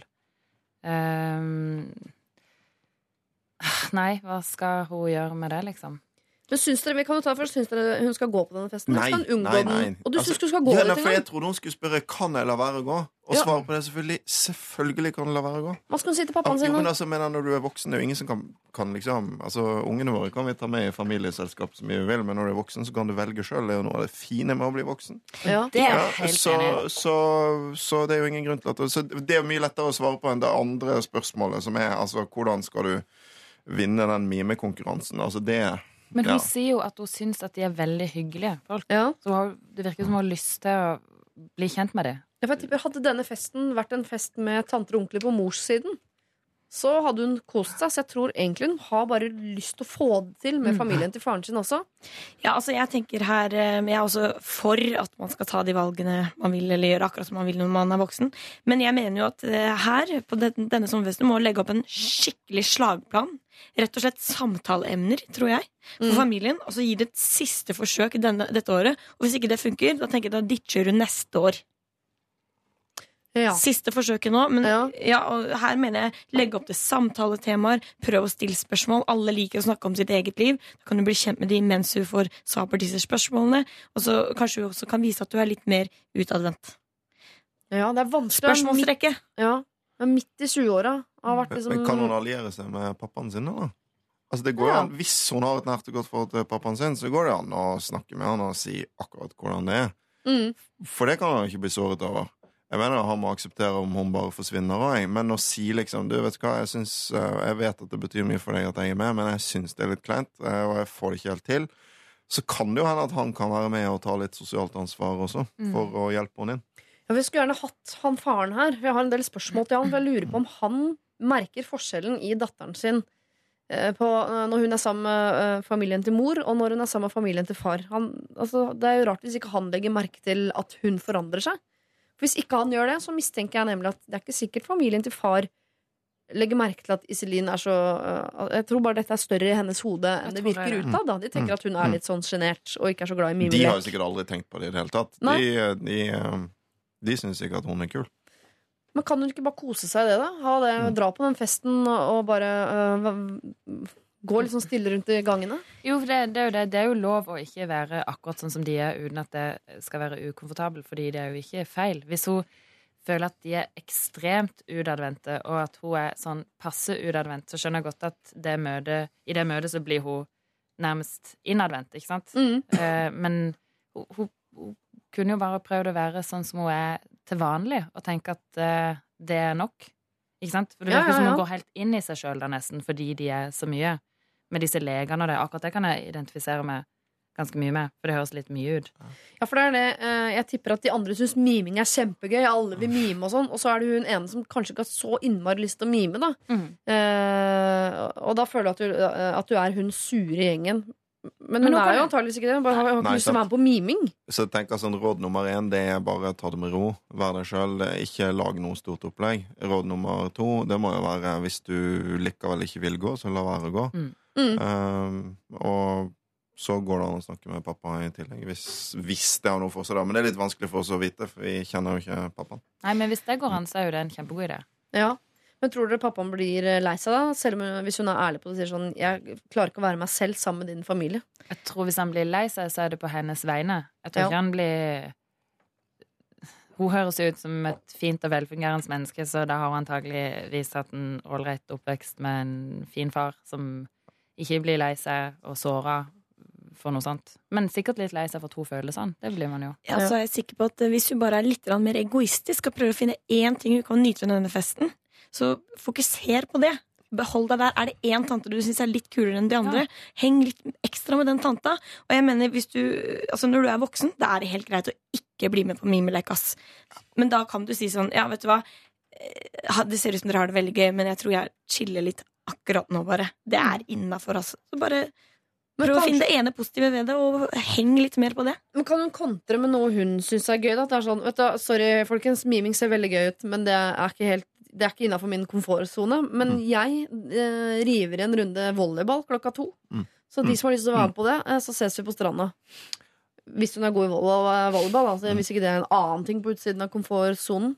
For jeg kan skjønne Altså jeg, skulle, jeg hadde egentlig liksom et lite håp om at vi skulle komme opp med sånne eureka-råd på hvordan Eh, hvis man føler at man har liksom kjørt seg fast i en bås på hvem man er, hvordan skal man få liksom smelt opp døra til båsen ved siden av og sagt Haha, det er sånn her jeg egentlig er. For det er hvis, hvis man har vanskelig semi og hatt det i mange år, så er det så vanskelig å bryte ut av det. Og da veit jeg ikke helt Det er greit å ha masse sånn samtaleemner lina opp, men allikevel så Men går an altså hvis, man, hvis jeg først blir bekymra for hvordan jeg er og hvem jeg er, sånt, så prøver jeg bare å fortrenge det sånn gigantisk, bare, eller bare godta sånn Ja vel, da tenker de at jeg er en kjip, eh, beskjeden jente, da, men vet du hva, det er ikke mitt problem, for jeg vet hvordan jeg er. Så får de bare tenke sitt. Og så pleier det liksom å løsne litt. Ja. For da blir man litt mer komfortabel og ikke så bevisst på akkurat hvem man sjøl er, og hva man sjøl tenker. Og Det, men det viktigste å huske på tenker jeg, er at vi er jo alltid mye mer opptatt av oss sjøl enn det noen andre er. nettopp. Eh, sånn at eh, en går jo veldig ofte rundt og bekymrer seg for hva andre tenker om en, og så har de ikke tenkt noe som helst. Så det mest sannsynlig så er det ingen i den familien som grunn til å tenke at å, Iselin er veldig dårlig til å mime. Altså, mest sannsynlig har de aldri tenkt på det i det hele tatt. Så det er jo først og fremst mulig å gi blaffen her. Men, men jeg er enig i det. Altså, hvis hun kan ta festen til sin hjemmebane på et eller annet vis, Mm. så er det selvfølgelig kult. Men, eh, men, men det må jo òg være lov å si 'jeg blir ikke med på miming'. Er Altså, ikke det er greit, da? Ja, du, Ja, ja, ja, ja, altså, ja. herregud. Ja, for Vi mener at hun har lov til å si at hun ikke vil være med på festen. Ja. Um, men jeg, det aner meg mellom linjene her at hun har lyst til å gå på den festen. Og hun Mm. har lyst til å ha det gøy sånn som de andre. Hun bare får det ikke til, for hun har ikke gjort det før. Mm. Hun har liksom ikke breaka helt med den gjengen ennå. Da tenker jeg at da, eh, da går du på den festen, men du må ikke mime. For jeg tipper at hun syns det er så kleint at da blir alt kleint. Og så, ja, nei, jeg Hun trenger ikke å gjøre noen ting av det Nei. hun ikke har lyst til. Nei. Fordi det, det, det er helt uh, unødvendig. Men samtidig, hvis hun egentlig også har lyst til å mime, hun bare syns det er flaut fordi hun uh, ikke har gjort det de andre årene, eller sånn, så, så hiv, deg ut, hiv deg litt ut i det også, for de andre kommer bare til å synes at det er gøy. Drekk litt ekstra. Ja, nå, merker jeg, nå, nå driver jeg egentlig og snakker om meg, om meg selv litt her, men for, for at i mitt hode nå så er det meg og et dansegulv. Eh, og jeg danser ikke, og så tror jeg når klokka jeg ser på klokka klokka ti, nei, elleve, jeg ser de andre de er på dansegulvet, det ser innmari gøy ut, jeg har så lyst, jeg har så lyst, jeg har så lyst. Gjør det ikke, gjør det ikke, gjør det ikke. Jeg kan finne på å si at dansing er teit, og stå ved siden av og sånn. Og det eneste jeg egentlig vil, er å danse. Så jeg sånn, men jeg kan i hvert fall ikke gjøre det nå, nå er klokka halv elleve, da kommer hele festen kommer til å stoppe opp og si sånn Vent litt! Siri. Danser du? Du dansa jo ikke ni, du dansa ikke ti, du dansa ikke forrige lørdag, nå danser du! Og så skal hele festen bare gå helt i lås, og alt blir helt fokus på meg, lysene på, musikken stopper. Det er det man ser for seg. Og det er det jeg tror også at Kine Iselin Sose tenker sånn Hvis jeg kom på den festen i år, og jeg klinker til med en liten Ari Behn-parodi på Mimeleken eller et eller annet, så kommer alt bare Da kommer flombelysninga på, familiefesten stopper opp, og det blir et helvetes fokus på meg.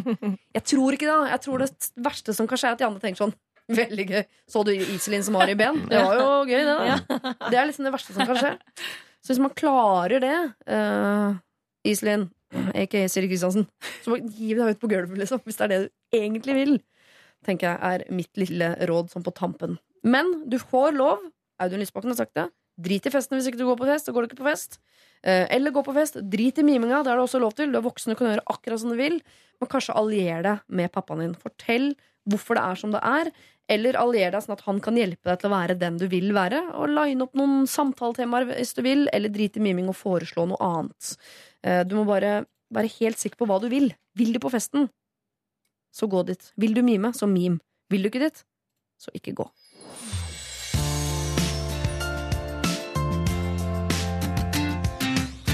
Madcon sammen med Ray Dalton, Don't Worry var det. Og før det eh, Kavinsky sammen med Love Fox. Det er mye ekstra, jeg vet ikke hvordan man uttaler det. Nightcall er da låta. Vi skal bli kjent med Linn, 23 år gamle Linn. Og når jeg sier vi, så mener jeg Charlotte Kvale, jeg mener Audun Lysbakken, og jeg mener Line Elvsås Hagen.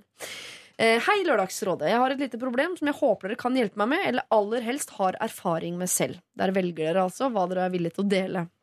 Eh, Jeg er student i Oslo og har hatt kjæreste, skråstrek samboer, i to år. Jeg elsker han over alt i verden, og forholdet vårt er ikke problemet her. Det siste året har jeg nemlig tatt meg selv i å flørte med kjæresten til bestevenninnen min. De studerer i samme by som oss, og vi møtes ofte. Siden i høst har flørtingen tatt seg opp etter at jeg og eh, venninnen min sin kjæreste har begynt på samme fakultet, og vi ser hverandre gang, eh, flere ganger i uka.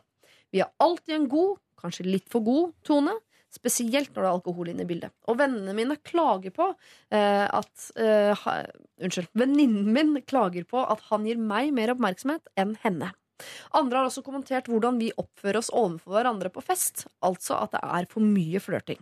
Jeg er veldig forvirret, for jeg vet at eh, det jeg gjør, ikke er feil, for vi har aldri kyssa eller gjort noe annet enn flørting. Jeg syns bare han er en dødskul person, og vi er veldig like og har mange felles interesser, blant annet håndball. Og eh, vi klikket ganske fort med en gang vi ble kjent med hverandre. Men samtidig har jeg sykt dårlig samvittighet overfor kjæresten min og venninnen min. Jeg ville jo aldri byttet ut kjæresten min.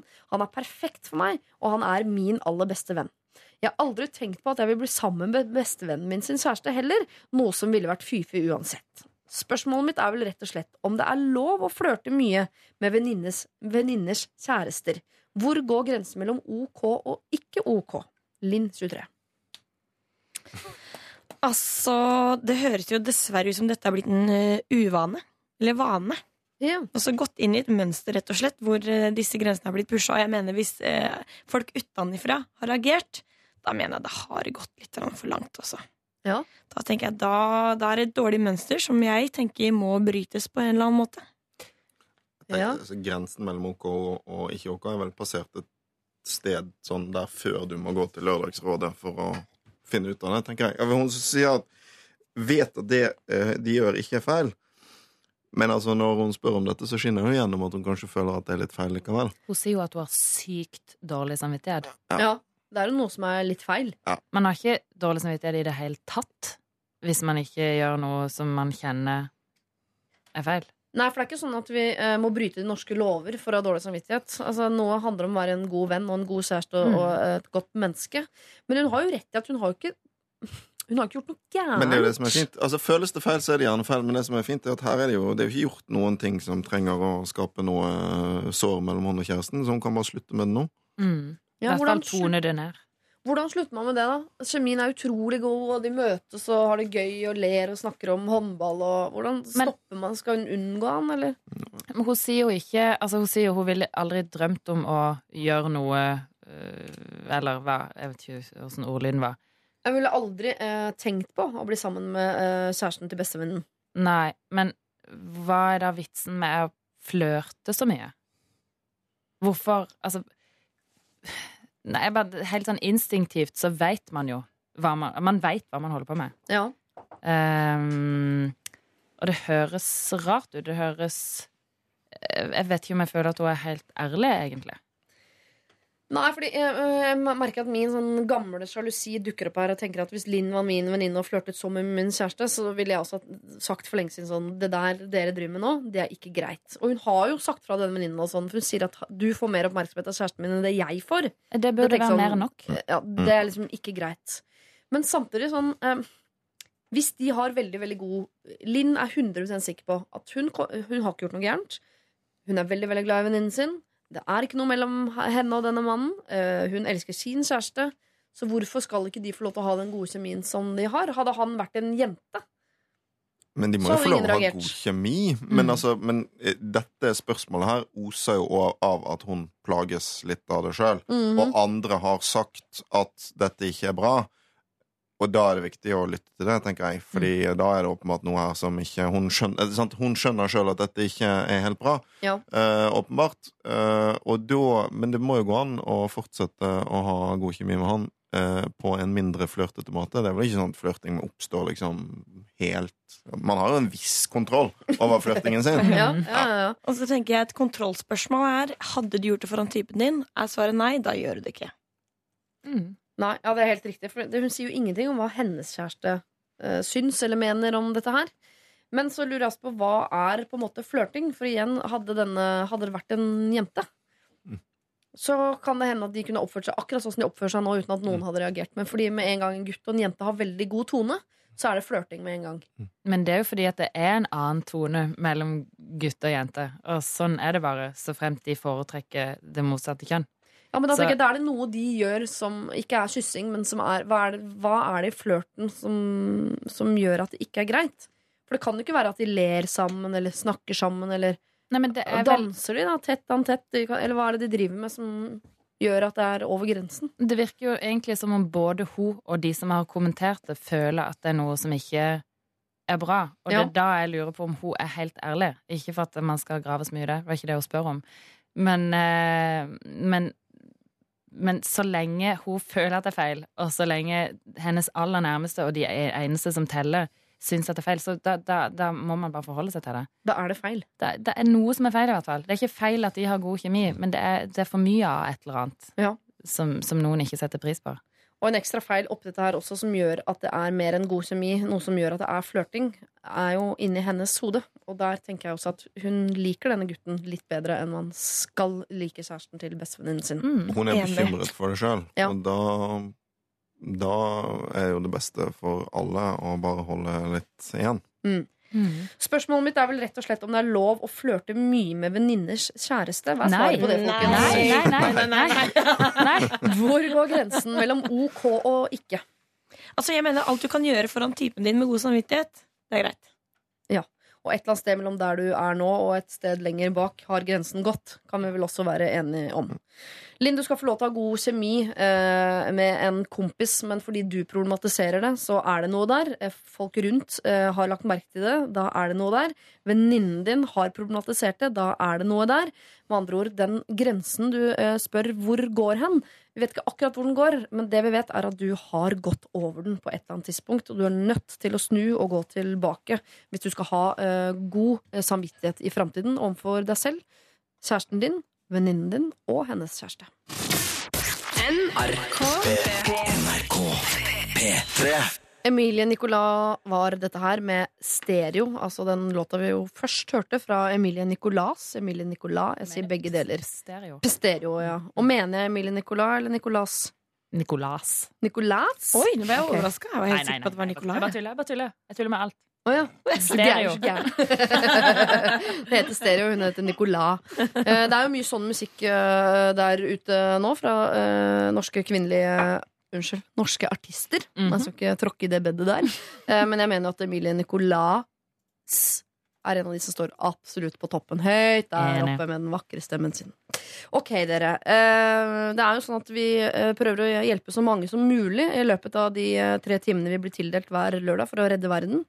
Men innimellom så syns jeg det er hyggelig å kunne prøve å hjelpe litt sånn ekstra lokalt. Altså det vil si dere som er her som rådgivere. Og jeg spurte på morgenen i dag, som de sier i Larvik, om det er eh, noen av dere som har et problem dere gjerne vil få løst. Fordi vi har en app i Lørdagsrådet som er- kan svare på ja- og nei-spørsmål Ganske hurtig og effektivt, 24 timer i døgnet. Uh, og som kan være en uh, rettesnor. Vi har jo tidligere sagt til Slottet Kvalle at du ikke skal få barn nummer to, f.eks. Mhm. Mm.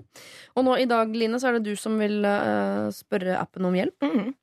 Du kan få låne min telefon, for der er appen. Takk. Hva er det du lurer på? Nei, altså, det har seg sånn at min familie begynner å minske. Rett og slett det De eldre begynner å falle vekk. Ja. Det betyr også at eh, når jeg skal feire min bursdag fordi jeg er skilt foreldre, så er det ikke så mange å invitere lenger. rett og slett. Og da tenker jeg sånn, eh, For vi har alltid feira en hos mamma, og en hos pappa.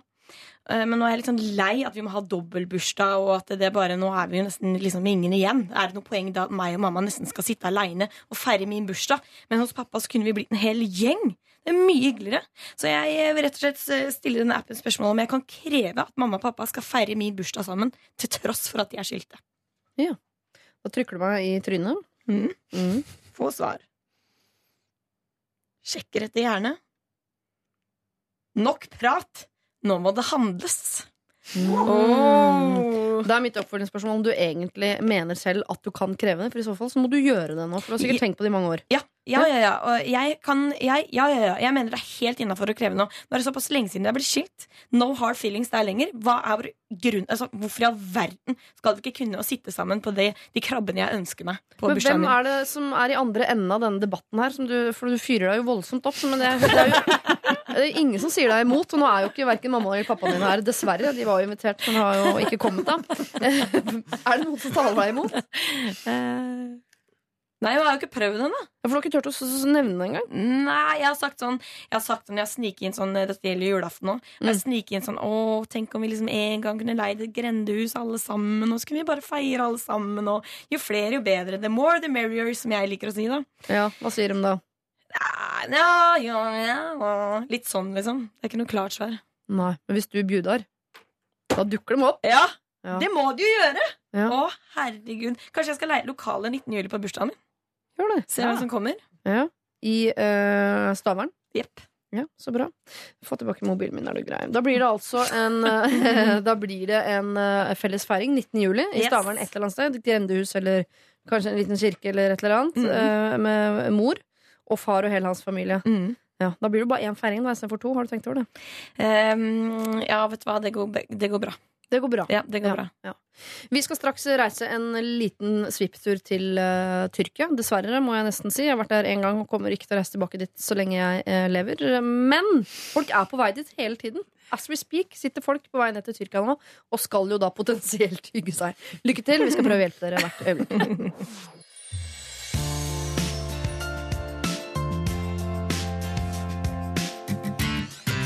Dette er altså et uh, trivelig samarbeid mellom eh, Matoma, Jennifer Lopez og Jason Derulo. Låta heter Chimey. Her har vi et uh, deilig samarbeid gående mellom uh, meg selv, Siri Kristiansen, og dagens rådgivere, som er Line Elsasagen, Audun Lysbakken og Charlotte Kvale. Vi skal uh, ferra til Tyrkia, folkens. Er det noen som har vært der? Ah, Nei, det vil jeg ikke si. Det kort, Hva kort, betyr det? kort opphold på flyplassen i Istanbul. Hvor skulle du? Afghanistan. Shit. På familieviken? Ovalviken. Sparesort. Storbyviken i Kabul. Line, hva med deg? Jeg har vært der. Jeg har vært der. Jeg har vært, eh, det var min første og siste sydenferie med jenteklubben. Nei! Ja, det var helt forferdelig. Alle hata det, og det var liksom tre av fire hadde kjæreste. Ja. Sånn at hun siste som ikke hadde kjæreste, hun var drita hele tida. Mens, vi andre bare satt Nei. mens vi andre bare satt rundt bordet og hang, og så var det masse klafsing og tafsing på dette treetasjers utestedet. Og alle syntes det var dødsubehagelig. Så det Hvor var skikkelig bommert. Alanya! Ok, det er dit vi skal. Um, og det jo, hadde jeg visst dette, så kanskje jeg hadde latt være å ta problemet, for nå har du en, eh, nesten drept debatten. Men Oi la oss prøve. Jeg sitter og hører på dere på et fly på vei til Tyrkia ved hjelp av Norwegians trege, men tilstedeværende eh, wifi. Eh, vi snakket nemlig om Tyrkia forrige lørdag. Hvordan kan jeg få mest mulig eh, ut av min tur til Tyrkia? Det er første gang jeg skal hit, og det er første gang jeg skal på venninnetur.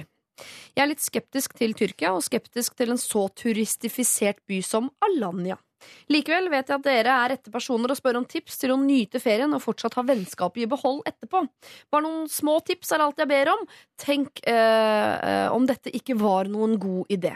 For øyeblikket er jeg på min 24. time uten søvn, eh, mens mine reisekamerater fint greier det ved hjelp av min skulder Ida. Hun er allerede litt irritert, hører dere. På vei til Tyrkia for første gang. Eh, en venninnegjeng til Alanya, og hun ønsker å bevare eh, vennskapet også etter at denne uken er omme. For dere gutter er dette kanskje eh, du, Kanskje ikke du ser at det kan være et potensielt problem her en gang? Jo, altså Vennetur kan jo være ødeleggende nok, det. Men, eh, men eh, jeg syns at har du først dratt på pakketur, Ja. Du er på charter, liksom. Da er du på charter. Fordi nå, folk, er så alle skal finne noe autentisk ute i verden. Og sånn, Så sykt mye turister som reiser rundt, så håper de å finne et sted der det er ingen andre turister. Det er helt ulogisk. Kommer du, Er du turist, så ender du opp et sted der det er masse andre turister, og det er den pakken du har kjøpt. Ja. Ferdig med det. Så kommer du til Alanya, så må du ta Alanya, tenker jeg. Og Ja. det er sikkert bra, for da kan du slappe av. Du kan drikke øl. Slappe Mm. av. Drikke øl. Jeg, jeg, jeg vet jo ikke hva man gjør i Alanya, men det Spise chips til lunsj Ja. hele tida, for det er alt de har er fritert, blant annet. Hva var det som ødela eh, for dere? Nei, For det første så var det jo første natta hvor det var tordenvær og monsun, og vi gråt fordi nesten vi hadde hjemlengsel, og det var Hvor gamle var dere? Tolv? eller? Ok, en liten overdrivelse der. Da vi lå og var veldig trist i senga og lei oss, og dette var bare noe møkk. Vi var vel eh, 19. Ja. Mhm. Mhm. Nei, altså, altså, vi, altså Problemet var jo at ingen av oss Altså, ingen av oss var interessert i gutter, bortsett fra hun ene. Og så blei det utrolig mye alkohol involvert. Og mine andre venninner som jeg også fra før av som har vært på venninnetur, det er jo alkoholen som ødelegger det. Hun ene venninna som bare forsvinner sånn i tre-tida om natta, og det er masse drita folk, og det er gater og kaos, og så begynner man å tenke å nei, blir du voldtatt nå? Hvor er du? Blir du kidnappa? Blir du bortført? Så kommer du hjem, så ligger du liksom utafor i gangen på hotellet, og Altså, det er bare kaos. Altså, ikke Altså Mm, prøv å liksom ta vare på hverandre, ikke bli så full at du begynner å krangle et eller annet sånn møkk. Var dette før mobilens tid? Det er bare kontrollspørsmål. Det var kanskje Nei, men, nei, men så mister du venninnas telefon, ikke sant? Det er det greiene der. Ja. Jeg har aldri vært på venninnetur. Nei? Nei, bare med ei venninne. Ja, Det jeg er en god regel. ja. Det tror jeg er for seint for Ida her, um, uh, som antageligvis nå er på slutten av sin Tyrkia-tur, når vi Mm. sitter nå og snakker sammen. Men er det noen sånn kjøreregler på hvordan man skal klare å liksom beholde uh, husfreden når man reiser en venninnegjeng hvor antageligvis uh, noen er sultne når de andre ikke er sultne. Noen vil på flatfylla, mens de andre vil kanskje slappe av. Uh, Noen vil på det utestedet, for der jobber José, og det syns hun er interessant. Det syns ikke de andre. Noen vil på stranda, andre vil bli ved basseng. Altså, det er jo uh, kompromissbonanza, og hvis ikke man hiver seg på den, så kan det potensielt bli veldig, veldig mange problemer. Man må gjøre det samme som når man er på ferie med eh, storfamilien, hvis man har gjort det. Eller, eh, ja eh, Da må man bare ikke man må, man må ikke gjøre alt sammen. Man, man må prøve å ikke være sammen hele tida. Dele seg ikke opp. Ja, altså, folk må gjøre det de har lyst til å gjøre. Jeg tror det er veldig misforstått at man skal gjøre alt sammen. Da tror jeg det går til helvete.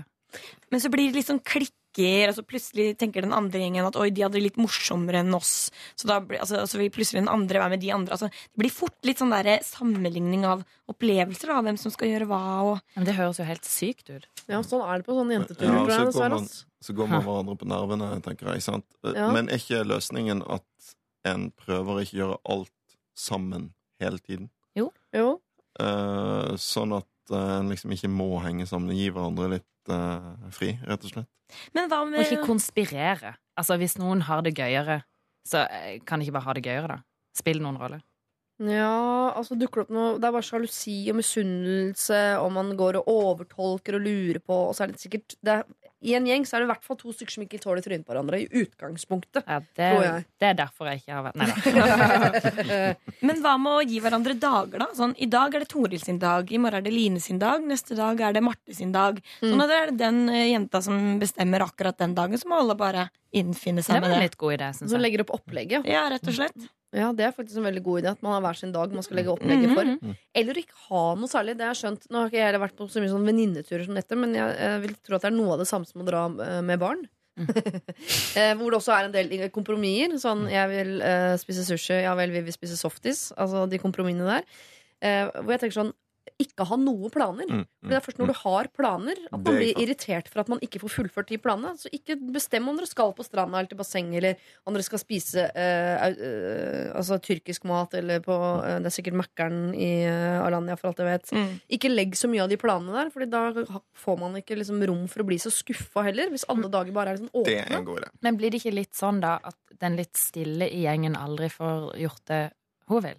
Jo, men den litt blir stille gjengen må dilte etter. Sånn, det, kom- sånn kommer livet til å bli. Og så Hvor mye kan du gjøre i Alanya, egentlig? Er ikke litt av poenget at du må ta det for det det er?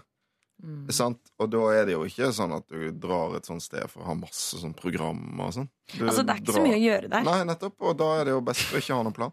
Nei, det er, du er på stranda, Du spiser lunsj, og så er du på bar. Og det kan du ta spontant. Nettopp. Absolutt. Vær spontan når man drar på venninnegjenger. Eller, altså Her er to ytterpunkter egentlig til alle dere som skal på venninneturer nå i uh, sommer. Om det er til Tyrkia eller om det er til Kragerø.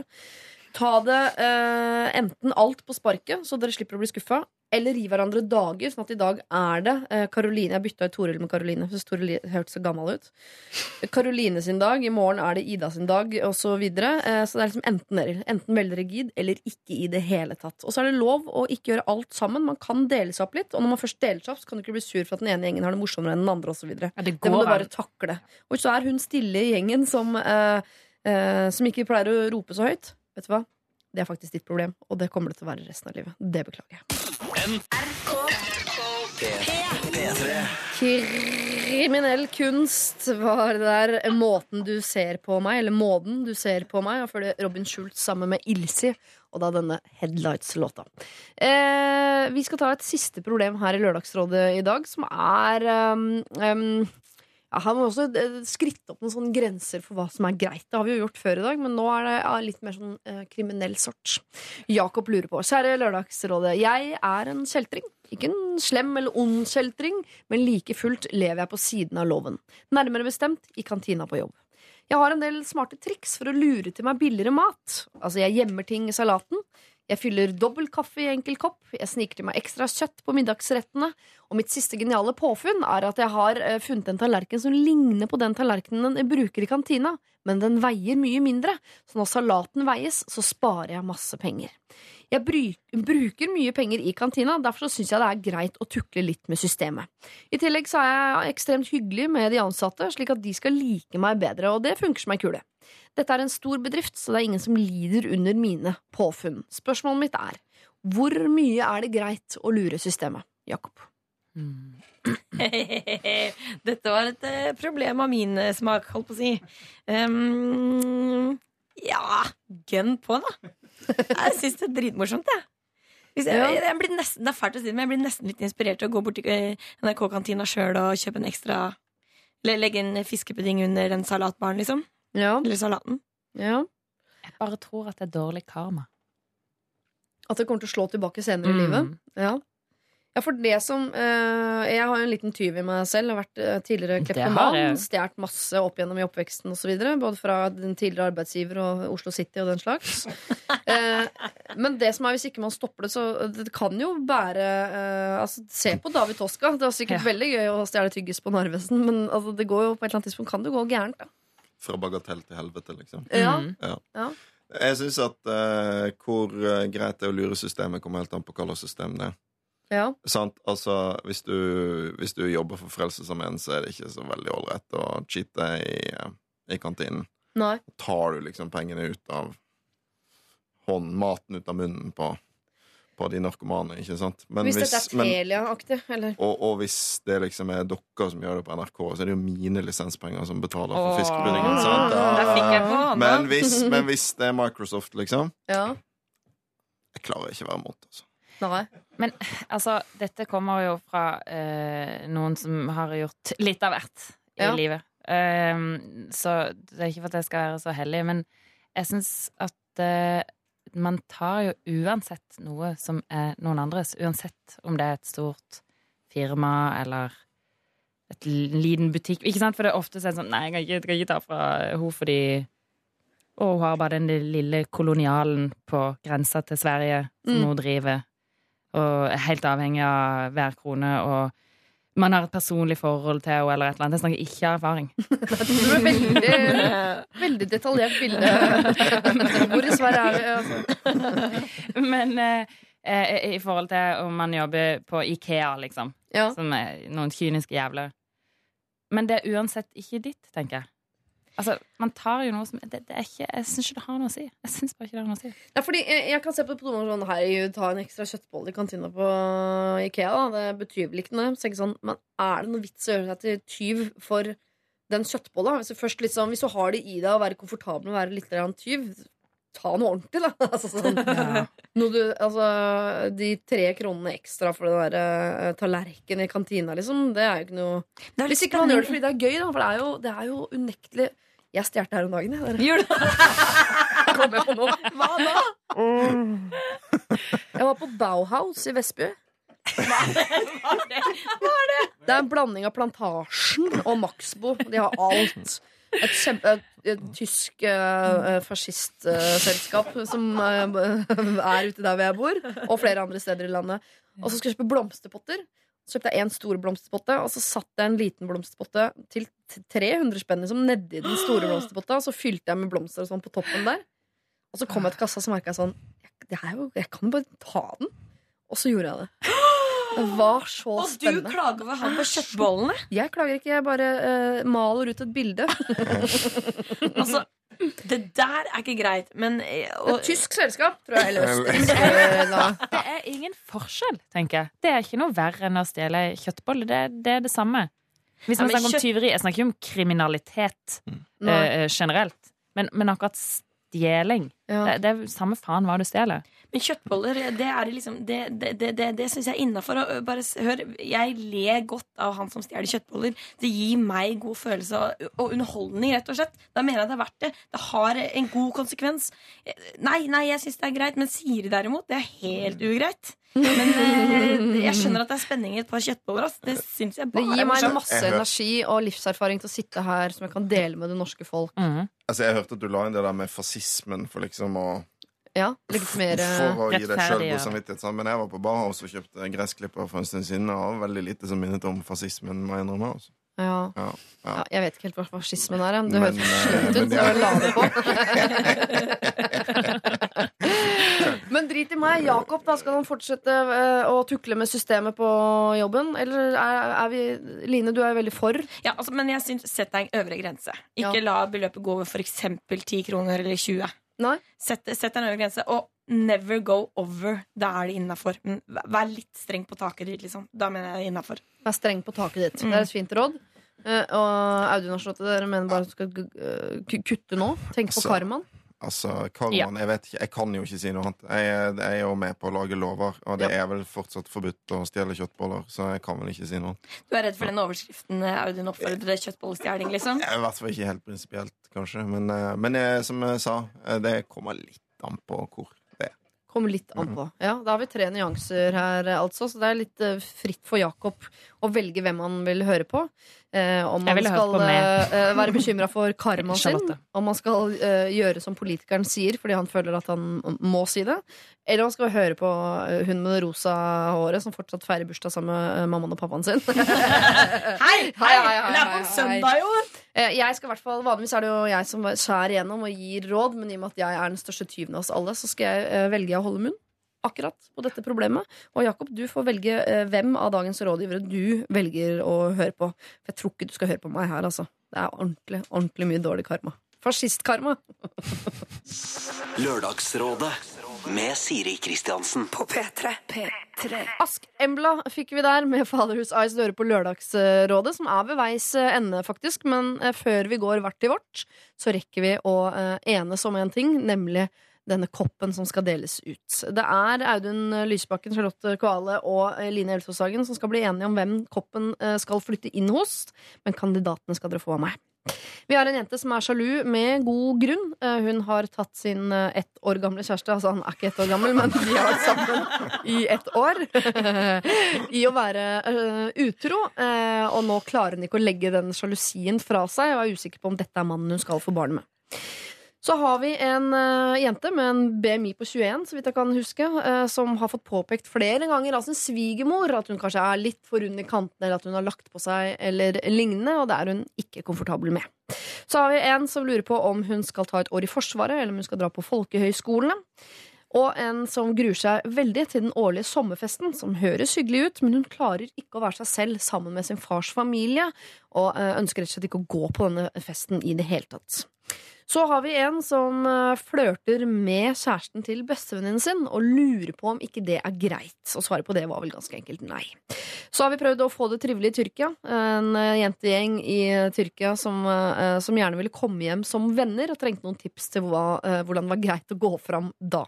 Og til slutt altså eh, min bror der ute som stjeler fra kantina på jobben sin, eh, og lurer på om det er greit. Der har vi vel, eh, jo mer vi snakker om det, blitt mer og mer enig med Charlotte Kvale i at den karmaen kommer til å bite deg i ræva på et eller annet tidspunkt. Hvem får en kopp? Her var det jo mange gode kandidater. Ja. Personlig syns jeg enten hun med BMI på 21 Mm. Og så, hun burde få den koppen og så drikke kakao mm, lagd på H-melk. Og kose seg med det. Mm. Um, eller så syns jeg uh, hun som ikke har lyst til å gå på den familiefesten. Det er gode kandidater. Men Ja. jeg syns faktisk kjøttbolletyven skal få koppen. Ja! Eh, Det, ja, men det er bare fordi at sant, Charlotte og jeg mener jo at han må slutte å stjele. Ja. Uh, og da føler jeg at hvis vi gir han koppen, så er det et slags insentiv til det. Da har vi gjort en god gjerning i dag. Vi, òg. Ja, for tenker dere at ved å få noe gratis, så skal han føle seg dum? Sånn, å ja, jeg, for en hyggelig verden jeg lever i, og her går jeg rundt og er et rasshøl. Er det litt sånn? Jo, men det er jo egentlig en det er Noen ganger så er det veldig eh, fint å, å stryke idioter idioter medhårs, for da, da skjønner de at, at, det er, at vi lever i en hyggelig verden, tross alt. Ja, eller oppfordre til, sånn som jeg også skrev kjøttbolletyven. Jeg, jeg vil jo da heller oppfordre til at han kan ta med denne kaffekoppen i kantina og si sånn ja, jeg tok med det her fra kaffemaskina borti der, jeg skal ikke betale for den. Så bare stjeler jeg litt kaffe fra kantina. Ah, Jeg hadde med denne kaffen inn. Er det der, altså sånn, Ja. ja. Sorry, nei, nei, jeg bare tok Jeg har, ja. har noe, hadde inn fra før av. Smart. Men da har dere jo veldig forskjellige eh, tanker bak denne koppen, da. Altfor forskjellig, så det går jo ikke. Nei. Her får du eh, kjempe, kjempe din sak, eh, Charlotte. Se om du får med deg folk over. Ja. Du må bli enig. Jeg har pollenallergi, så jeg har det ikke i meg i dag. Er. Den evige unnskyldningen. Mensen i gymmen og pollenallergi på eksamen. Det med mensen den har jeg brukt ganske mange ganger. Ja. Folkens, dere må bli enige. Ikke sitte og se på meg. Det er Audun vet du, som gir seg. Ja, men nei, men da skal vi Nei. eh, nei Du må Men ikke gi deg, Audun. nei, Det mener jeg på så mange lag og ja, nivåer. Nei, vi gir heller koppen til hun med svigermoren. Ah! Yes. Svigermor? Jeg, jeg, jeg syns Ja, hun jeg, trenger synes hun fortjener Altså, masse empati får hun også. Bare si det. Masse Ja. empati. Ok, ja Da sender vi altså en kopp eh, til eh, henne, som hun kan f.eks. for eksempel lage seg en kakao i eh, med H-melk. Og Eller det er ikke fordi du er på lavkarbodietten og skal ned i vekt. Nei. Det er ikke derfor du skal drikke H-melk kakao fra den koppen. Eller kaste i hodet på svigermor. Kast den i hodet. Men de er tunge, vet du. Og så Ja. knuser de ikke heller. Å, nei. Så det kan bli potensielt drap, og det er Såpass. verre enn BMI for noen. Dere, eh, tusen takk for at dere kom hit i dag, selv om det er jo nesten eh, midt på sommeren. Jeg håper dere får en fortreffelig sommer videre. Eh, en god ferie, en avslappende ferie, og at vi ses igjen til høsten. Fulle av energi og gode råd. Er det en avtale? Yep. Ja. Ha det! Ha det! P3 Lørdagsrådet. på P3. Avicii var det 'Waiting for eh, Love'. Og nå er problemer løst, mennesker er eh, reddet, kopper er delt ut, og det meste er egentlig både sagt og gjort. Og det eneste Ja, til og med rådgiverne har gått hjem, så det eneste som gjenstår for meg å si, er at eh, denne deilige tretimersbolken kan du laste ned som podkast. Det gjelder også nesten samtlige andre eh, Lørdagsrådet-sendinger som noen gang har eksistert. De er mulig å laste ned der ute et eller annet eh, sted. Eh, Delta i rådgivningen på Facebook om du vil. Har du en hobbypsykolog i deg, så eh, øs over av din kunnskap eh, på oss, og øs også av din erfaring. For kanskje har du opplevd ting som ikke vi har opplevd, som kan være eh, nyttig å ta med seg i eh, det vi jo driver med, nemlig å løse opp i folks problemer. Det kan være ditt problem vi løser neste gang, så ikke gi opp. Fortsett å sende inn. lralfakrøll.nrk.no. Vi tar en liten sommerferie fra Lørdagsrådet nå. Du skal få de neste seks lørdagene, så skal du få høre ordentlig gammal Lørdagsrådet. Altså sånn urgammal eh, Lørdagsrådet fra den tida hvor jeg nesten ikke hadde hår på leggene. jo da, jeg hadde det. Men det er fra den tida jeg i hvert fall eh, barberte den, da, for å si det på den eh, måten. Så det kan du kose deg med i sommer. Det blir også lagt ut som podkast, for det, de, det er de sendingene som ikke fins på podkast per nu. Så kos deg med det. Tilbake igjen til høsten. Nye problemer og eh, nye løsninger. eh, og jeg håper du Og alle i hele verden får en fortreffelig sommer. Noen jeg vet får en fortreffelig sommer, det er Rå og Osnes, som tar over eh, lufta her i P3 nå. De har jo tidenes sommerjobb, da, med å sitte live og kose seg og være morsomme oppe fra Bodø. Så eh, fortsett å høre på det. De er på plass rett etter nyhetene. Fram dit, mellom skyene. Dette her er eh, Gabrielle. Dette er er P3. P3.